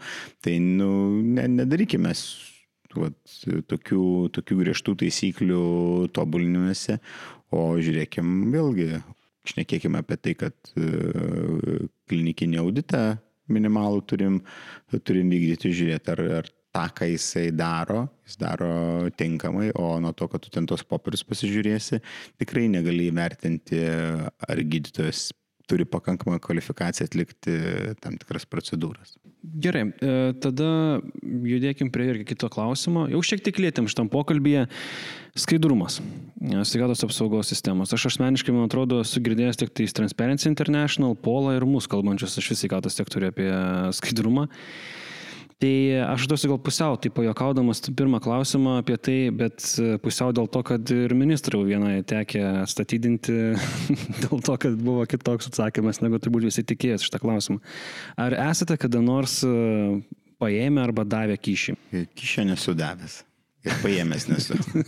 Kadangi vadovauju e, gydymo įstaigai, tai nesu tiesioginis gydytas ir nesu gydytas, tai žinoma ne jeigu taip tiesiogiai atsakyti. Jeigu pamastyti, kas po šito klausimu yra, vėlgi mes, mes tai žinom, me, mes tai jaučiam ir labai artimoje aplinkoje galėtume atrasti tų dalykų, bet kažkodėl tais bijome apie tai iki, iki galo šnekėti ir vėlgi, e, kaip medikai sako, neieškome priežasties, o gydome simptomatiką tik tais, tai galim ir padiskutuoti apie tai, kas čia yra, dėl ko čia yra, nes tai egzistuojantis dalykas. Tai tik, tik, tikrai yra didžiulė e, bėda iš tos pusės, e, kad tai yra pasiekmė. Šito, šito momento aš taip labai tiesiogiai su skaidrumu ne, nesiečiau, nes Tai, kad sistema neskaidri, nu, tai dar nebūtinai joje yra, sakykime, tas vat, nu, kišinkavimas ir, ir panašiai. Ir, e, kaip mes tada įvardinsim, vat, nu, grubiai, sakykime, sveikatos sistemai, nu, vat, neskaidrumą, kai tarkim yra priemamas kažkoks tai sprendimas ir e, politikas sutarė taip, kad e, jis gaus e, lėšų iš valstybės investicinės programos iš VIPO lėšų, tarkim, ligoniniai kažkokią tai įrenginį nupirkti už tai, kad jisai palaikys e, e, tam tikro politinio klausimo sprendimą, kuris nu, nebūtinai tiesiogiai susijęs su, su medicina. Tai kyšio tu ten nelaikysi, bet su skaidrumu tai jau nieko bendro neturi, nes nu, dažniausiai tas toks susitarimas būna užkulisienis neskaidrus, bet tai va čia, čia aš galiu nu, va, pavyzdį kaip neskaidrų dalyką pasakyti. O principas toks, ką mes jau ir prieš tai išnekėjom, tai jeigu tu nori mažinti to vat, neskaidrumo arba, arba kad viskas veiktų aiškiai, Tai vėlgi eikim prie pirminės grandies. Tai pirminė grandis, jinai tikrai valstybė net neturėtų per daug ten kištis į visą tą dalyką ir, ir jai turėtume leisti saliginai laisvai konkuruoti rinkoje šeimos gydytojams, kurie tikrai būtų atsakingi ir, ir dirbtų ir už savo įstaigą, ir už pacientus ir panašiai. O kai mes šnekam jau apie, apie sakykime, antrinį, tretinį lygį sveikatos paslaugų, Vėl grįžkim prie to valdybos modelio, vėlgi kas turėtų, kas, kas, kas yra minėta, kad sprendimai va taip pat ir būtų, ne, nu, iški atsakomybė, kai yra iški atsakomybė, tada mažėja to, to, to neskaidrumo. Vėlgi tie, tie patys valdybos modeliai, modeliai, tie patys valdybos visi posėdžiai, jie gali būti viešai transliuojami, nu, jie neturi būti slepiami. Tai toks tas e, kišinkavimas vėlgi, jisai turbūt mes skirstam smulkų ir tą stambųjį, e, bet aš taip, nu, tokio lygiai greitumo ženklo, lygybės ženklo nedėčiau tarp, e, sakykime taip, korupcijos ir, ir skaidrumo. Man atrodo, kad čia šiek tiek skirtingi dalykai yra. Mhm. Dar vienas toksai klausimas, čia už tų, kur buvo užduota mūsų pačių narių.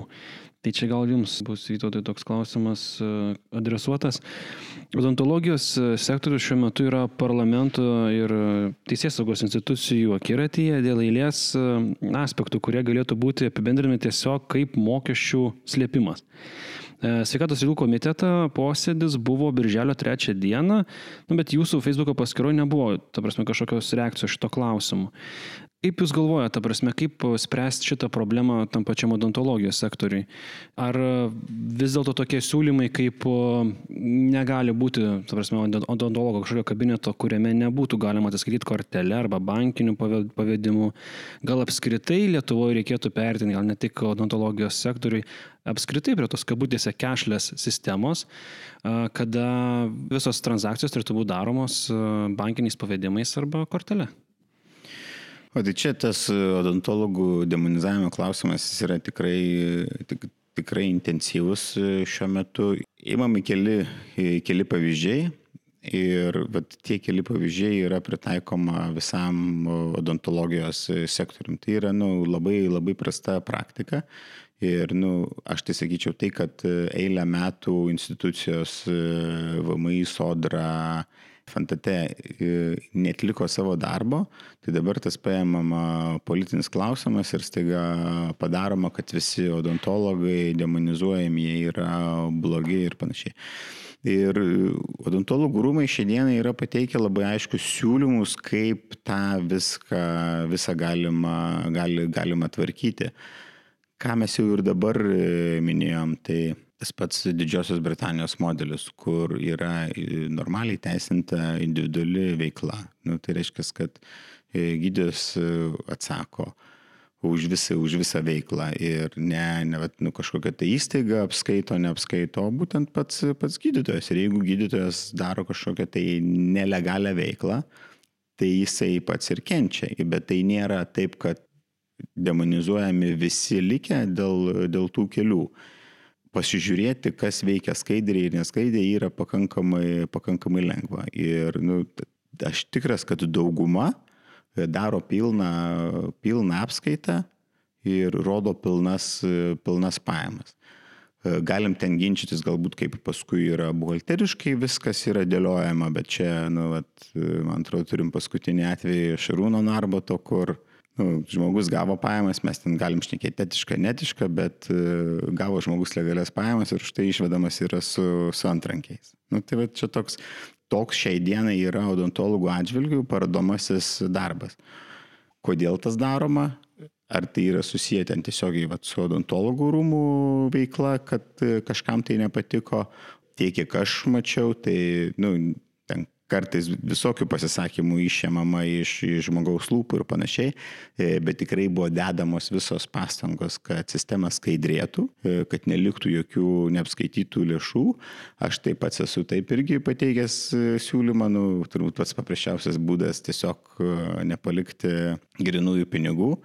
Bet ar tai tikrai atsakymas ir išspręstų visus klausimus, nes, nesu tikras, koks elementarus sakykime taip, kad paskatinti tiek pacientą pasiimti čekį, tiek e, vykdyti pilną apskaitą, tai yra tas pats gyventojų pajamų mokesčių lengvata, kad jeigu tu parodai, kad tu sumokėjai, nu, tai gali, tau gali būti pritaikyta lengvata. Tai tada bus garantuojama, kad ir pacientas visat paims čekį ir, ir, ir, ir bus normali apskaita. Nes e, kur yra kur yra problema ir pacientai, ką turi žinoti, kad faktiškai jeigu tu tau suteiki paslaugą ir tu nepasėmiai čekio, tau atsiranda problema įrodyti, kad tu tikrai gavai tą paslaugą.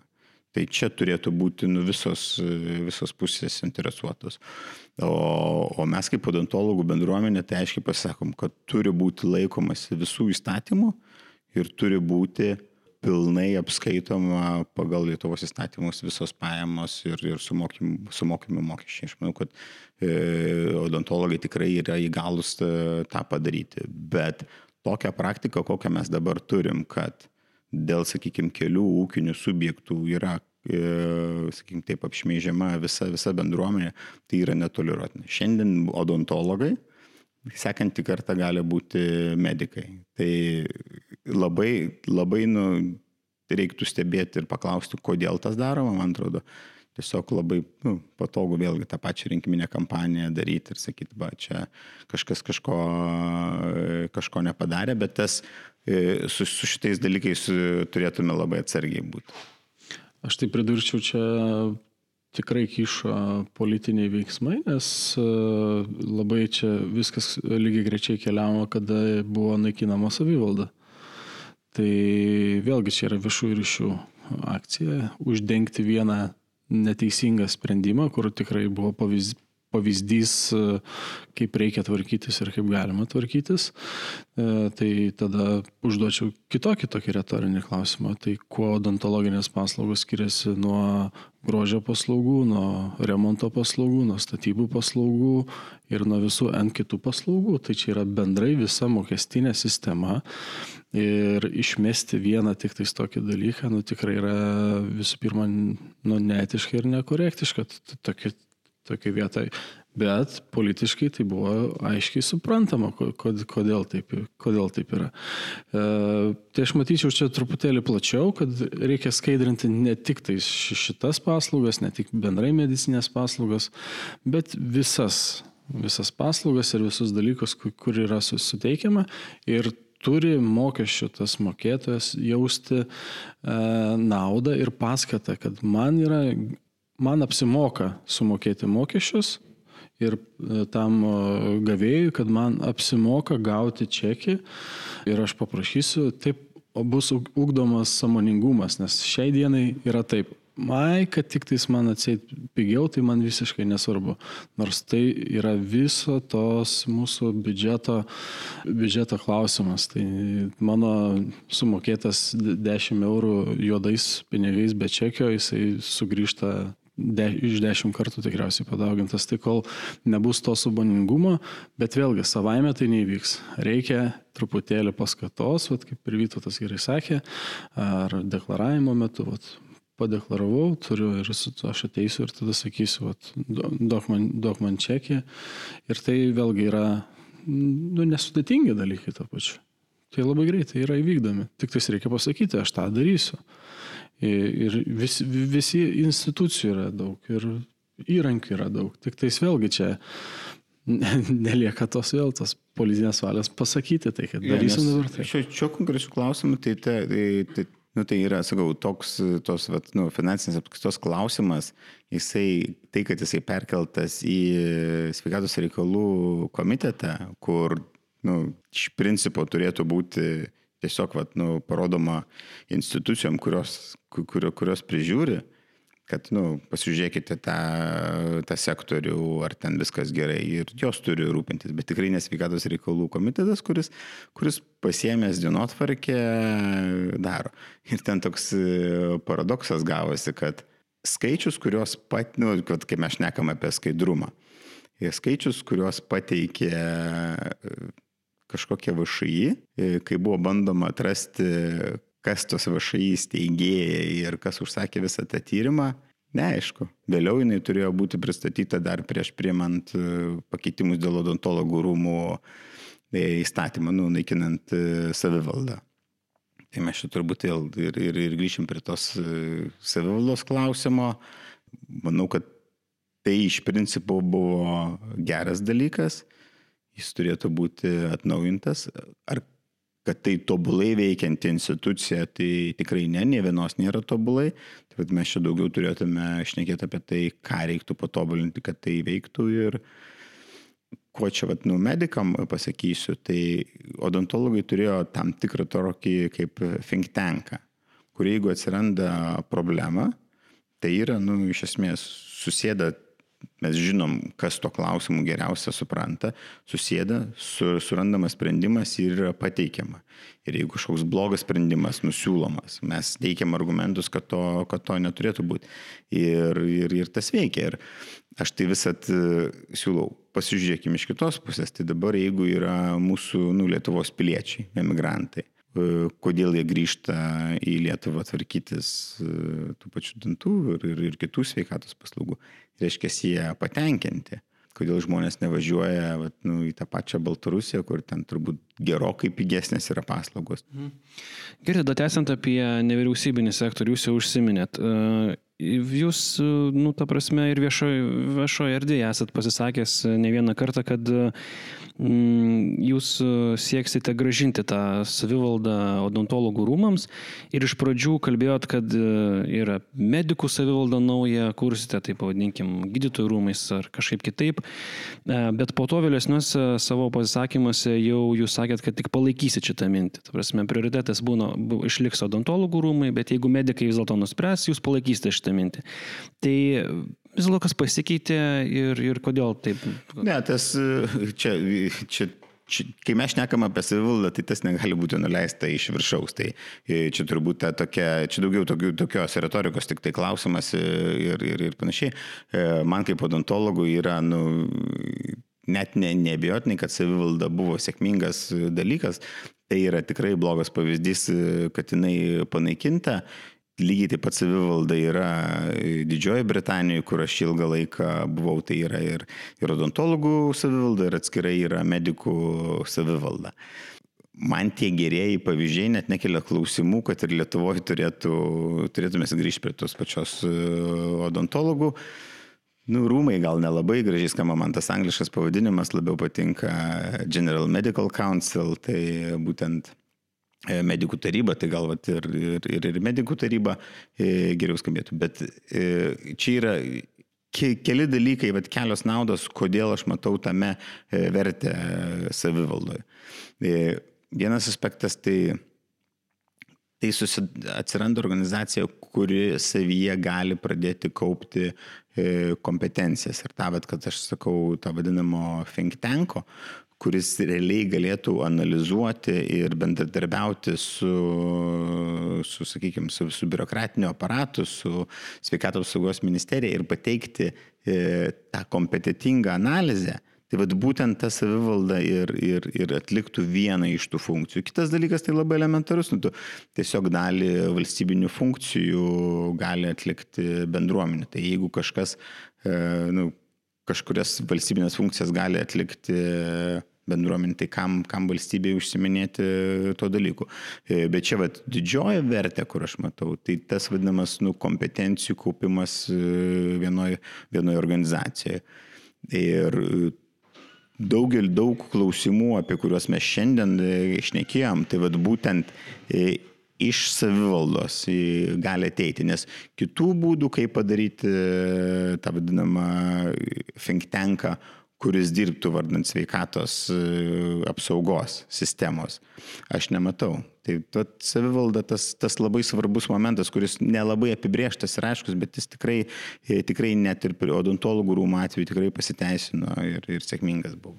Papildyčiau tuo, kad lygtais užuomasgos yra ir medikų bendruomeniai, bet, bet ką ir minėjau, kad tas labai didelis skaičius asociacijų įvairiausių, uh, jisai ir gerai, ir to pačiu nelabai. Jeigu tai būtų po vienu stogu, tada būtų visai kitas svoris. Žinoma, yra iššūkių visokių, kad sutarti, turėti bendrą poziciją, bet tikrai, tikrai to, to reikia, kad galėtume priimti tos, tos sprendimus ir iš, iš apačios kelti iki, iki ministerijos, iki vyriausybės tos klausimus. Tai būtinai, kuo būsim vieningesni, e, tuo, tuo daugiau galėsim tą padaryti. Ir čia visur tas veikia, čia nereikia kažkur labai aukštai, aukšto materijom, sudėtingais dalykais šnekėti. Yra visada penkiem ar dešimčiai žmonių žymiai lengviau negu atskirai kiekvienam. Lygiai principai galioja visur tie patys. E, žinoma, čia reikia atsikratyti politikos. Savivaldai neturi likti politikos, nes politika e, labai greitai gali užkrėsti savo interesais traukti čia, traukti savo paklodę į vieną ar į kitą pusę. Tai skaidrumas šitoje vietoje taip pat yra. Labai... Aš irgi norėjau, vat, kaip tik norėjau paminėti žodį skaidrumas. Tai vat, savivaldo irgi turi būti, ypač dedant pagrindus, labai aiškiai atsakomybė. Tai, e, Aš irgi, vat, čia gal prieš kokį mėnesį truputį su odontologų rūmais ir, ir vadovybė, sakykime, taip pradėjom diskutuoti ir gal tokia intensyvesnė diskusija, kad e, jeigu mes renkam organizacijos vadovą, tai jisai turi būti renkamas visuotiniu būdu. Tai va, jeigu yra e, odontologų rūmai, tai ne ten atstovai renka tarybą, taryba renka pirmininką, ne, tai yra visuotiniu narių balsavimu išrenkamas pirmininkas. Tai jeigu ir vat, medikų, sakykime, taip rūmai e, atsirastų, tai ką, kas svarbiausia, kad būtų vienas fundamentalių dalykų, kad būtent visi nariai, visi medikai, turiuomenį gydytojai ir, ir, ir slaugytojai, e, visi vieningų balsavimų rinktų savo organizacijos vadovą kad nebūtų tų visų tarpinių struktūrų. Mm. Čia... Tęsiant apie skaidrumą ir nevyriausybinės organizacijas. Šiandien Lietuvoje vis dėlto dar yra tokia status quo sistema, kurioje nėra irgi jokių taisyklių. Faktiškai patikrinti, kas ką atstovauja arba kiek turi realiai narių atstovaujamų, yra neįmanoma. Tai klausimas yra tiesiog labai paprastas. Kaip jūs atsirinksite nevyriausybinės organizacijos, su kuriomis bendradarbiausite? Aš atsakysiu, aš, aš galvoju apie šitą klausimą kažkada. Tai yra elementarus dalykas paprašyti sukviesti visuotinį narių susirinkimą ir jame sudalyvauti, realiai tu matysi, kiek žmonių susirinka. Paskutinis tiesiog, ką palinkėtumėt jaunų gydytojų bendruomeniai? Nežinau, aš čia turiu tokį, tokį malonumą pasidžiaugti, kad e, tikrai pakankamai šarti stebėjau jaunų gydytojų asociacijos veiklą. Tai tas palinkėjimas toks e, paprastas, tiesiog nesustoti. E, keliu, kuriuo einat, yra daromas, man atrodo, viskas yra teisingai. Tęsti tą veiklą, tęsti visose srityse pradėtus darbus. Ir turbūt, vat, ką mes e, svarbius dalykus paminėjom, tai skaidrumą ir rodyti pavyzdį skaidrumo visai medikų bendruomeniai aš būna, kad ir, ir, ir kitom organizacijom rodau jūs kaip pavyzdį, kur valdybos susitikimai, protokolai yra jie vieši, aiškus, kad apie ką buvo šnekama, kaip buvo šnekama, e, renginiai jie yra atviri, visi yra kviečiami, tai tokiam skaidrumo ir įkvėpimo lygyje viską, viską ir teskite. O aš savo ruoštų prieš įsėdžiu sieną ir matau labai gerą pavyzdį, užrašytą Kaizen, kairiai pusė idėja ir, ir dešiniai pusė įgyvendinta, tai e, kad tie stulpeliai būtų su tais lapeliais apylygiai, kad nestokotumėt idėjų ir, ir tam keliui neprarastumėt ambicijų, užsidėgymo ir visą kitą, kad būtų viskas įgyvendinta. Tai, tai to ir linkiu Jums labiausiai. Ačiū už pokalbį. Ačiū. Ačiū Jums. Ačiū visiems klausiusiems. Įrašo aprašymę galite rasti nuorodą į anketą, kurią užpildę prisijungsite prie mūsų asociacijos. Taip pat rasite nuorodas į mūsų kitas socialinės platformas. Būkime kartu, būkime tuo pokyčiu, kurį norime matyti.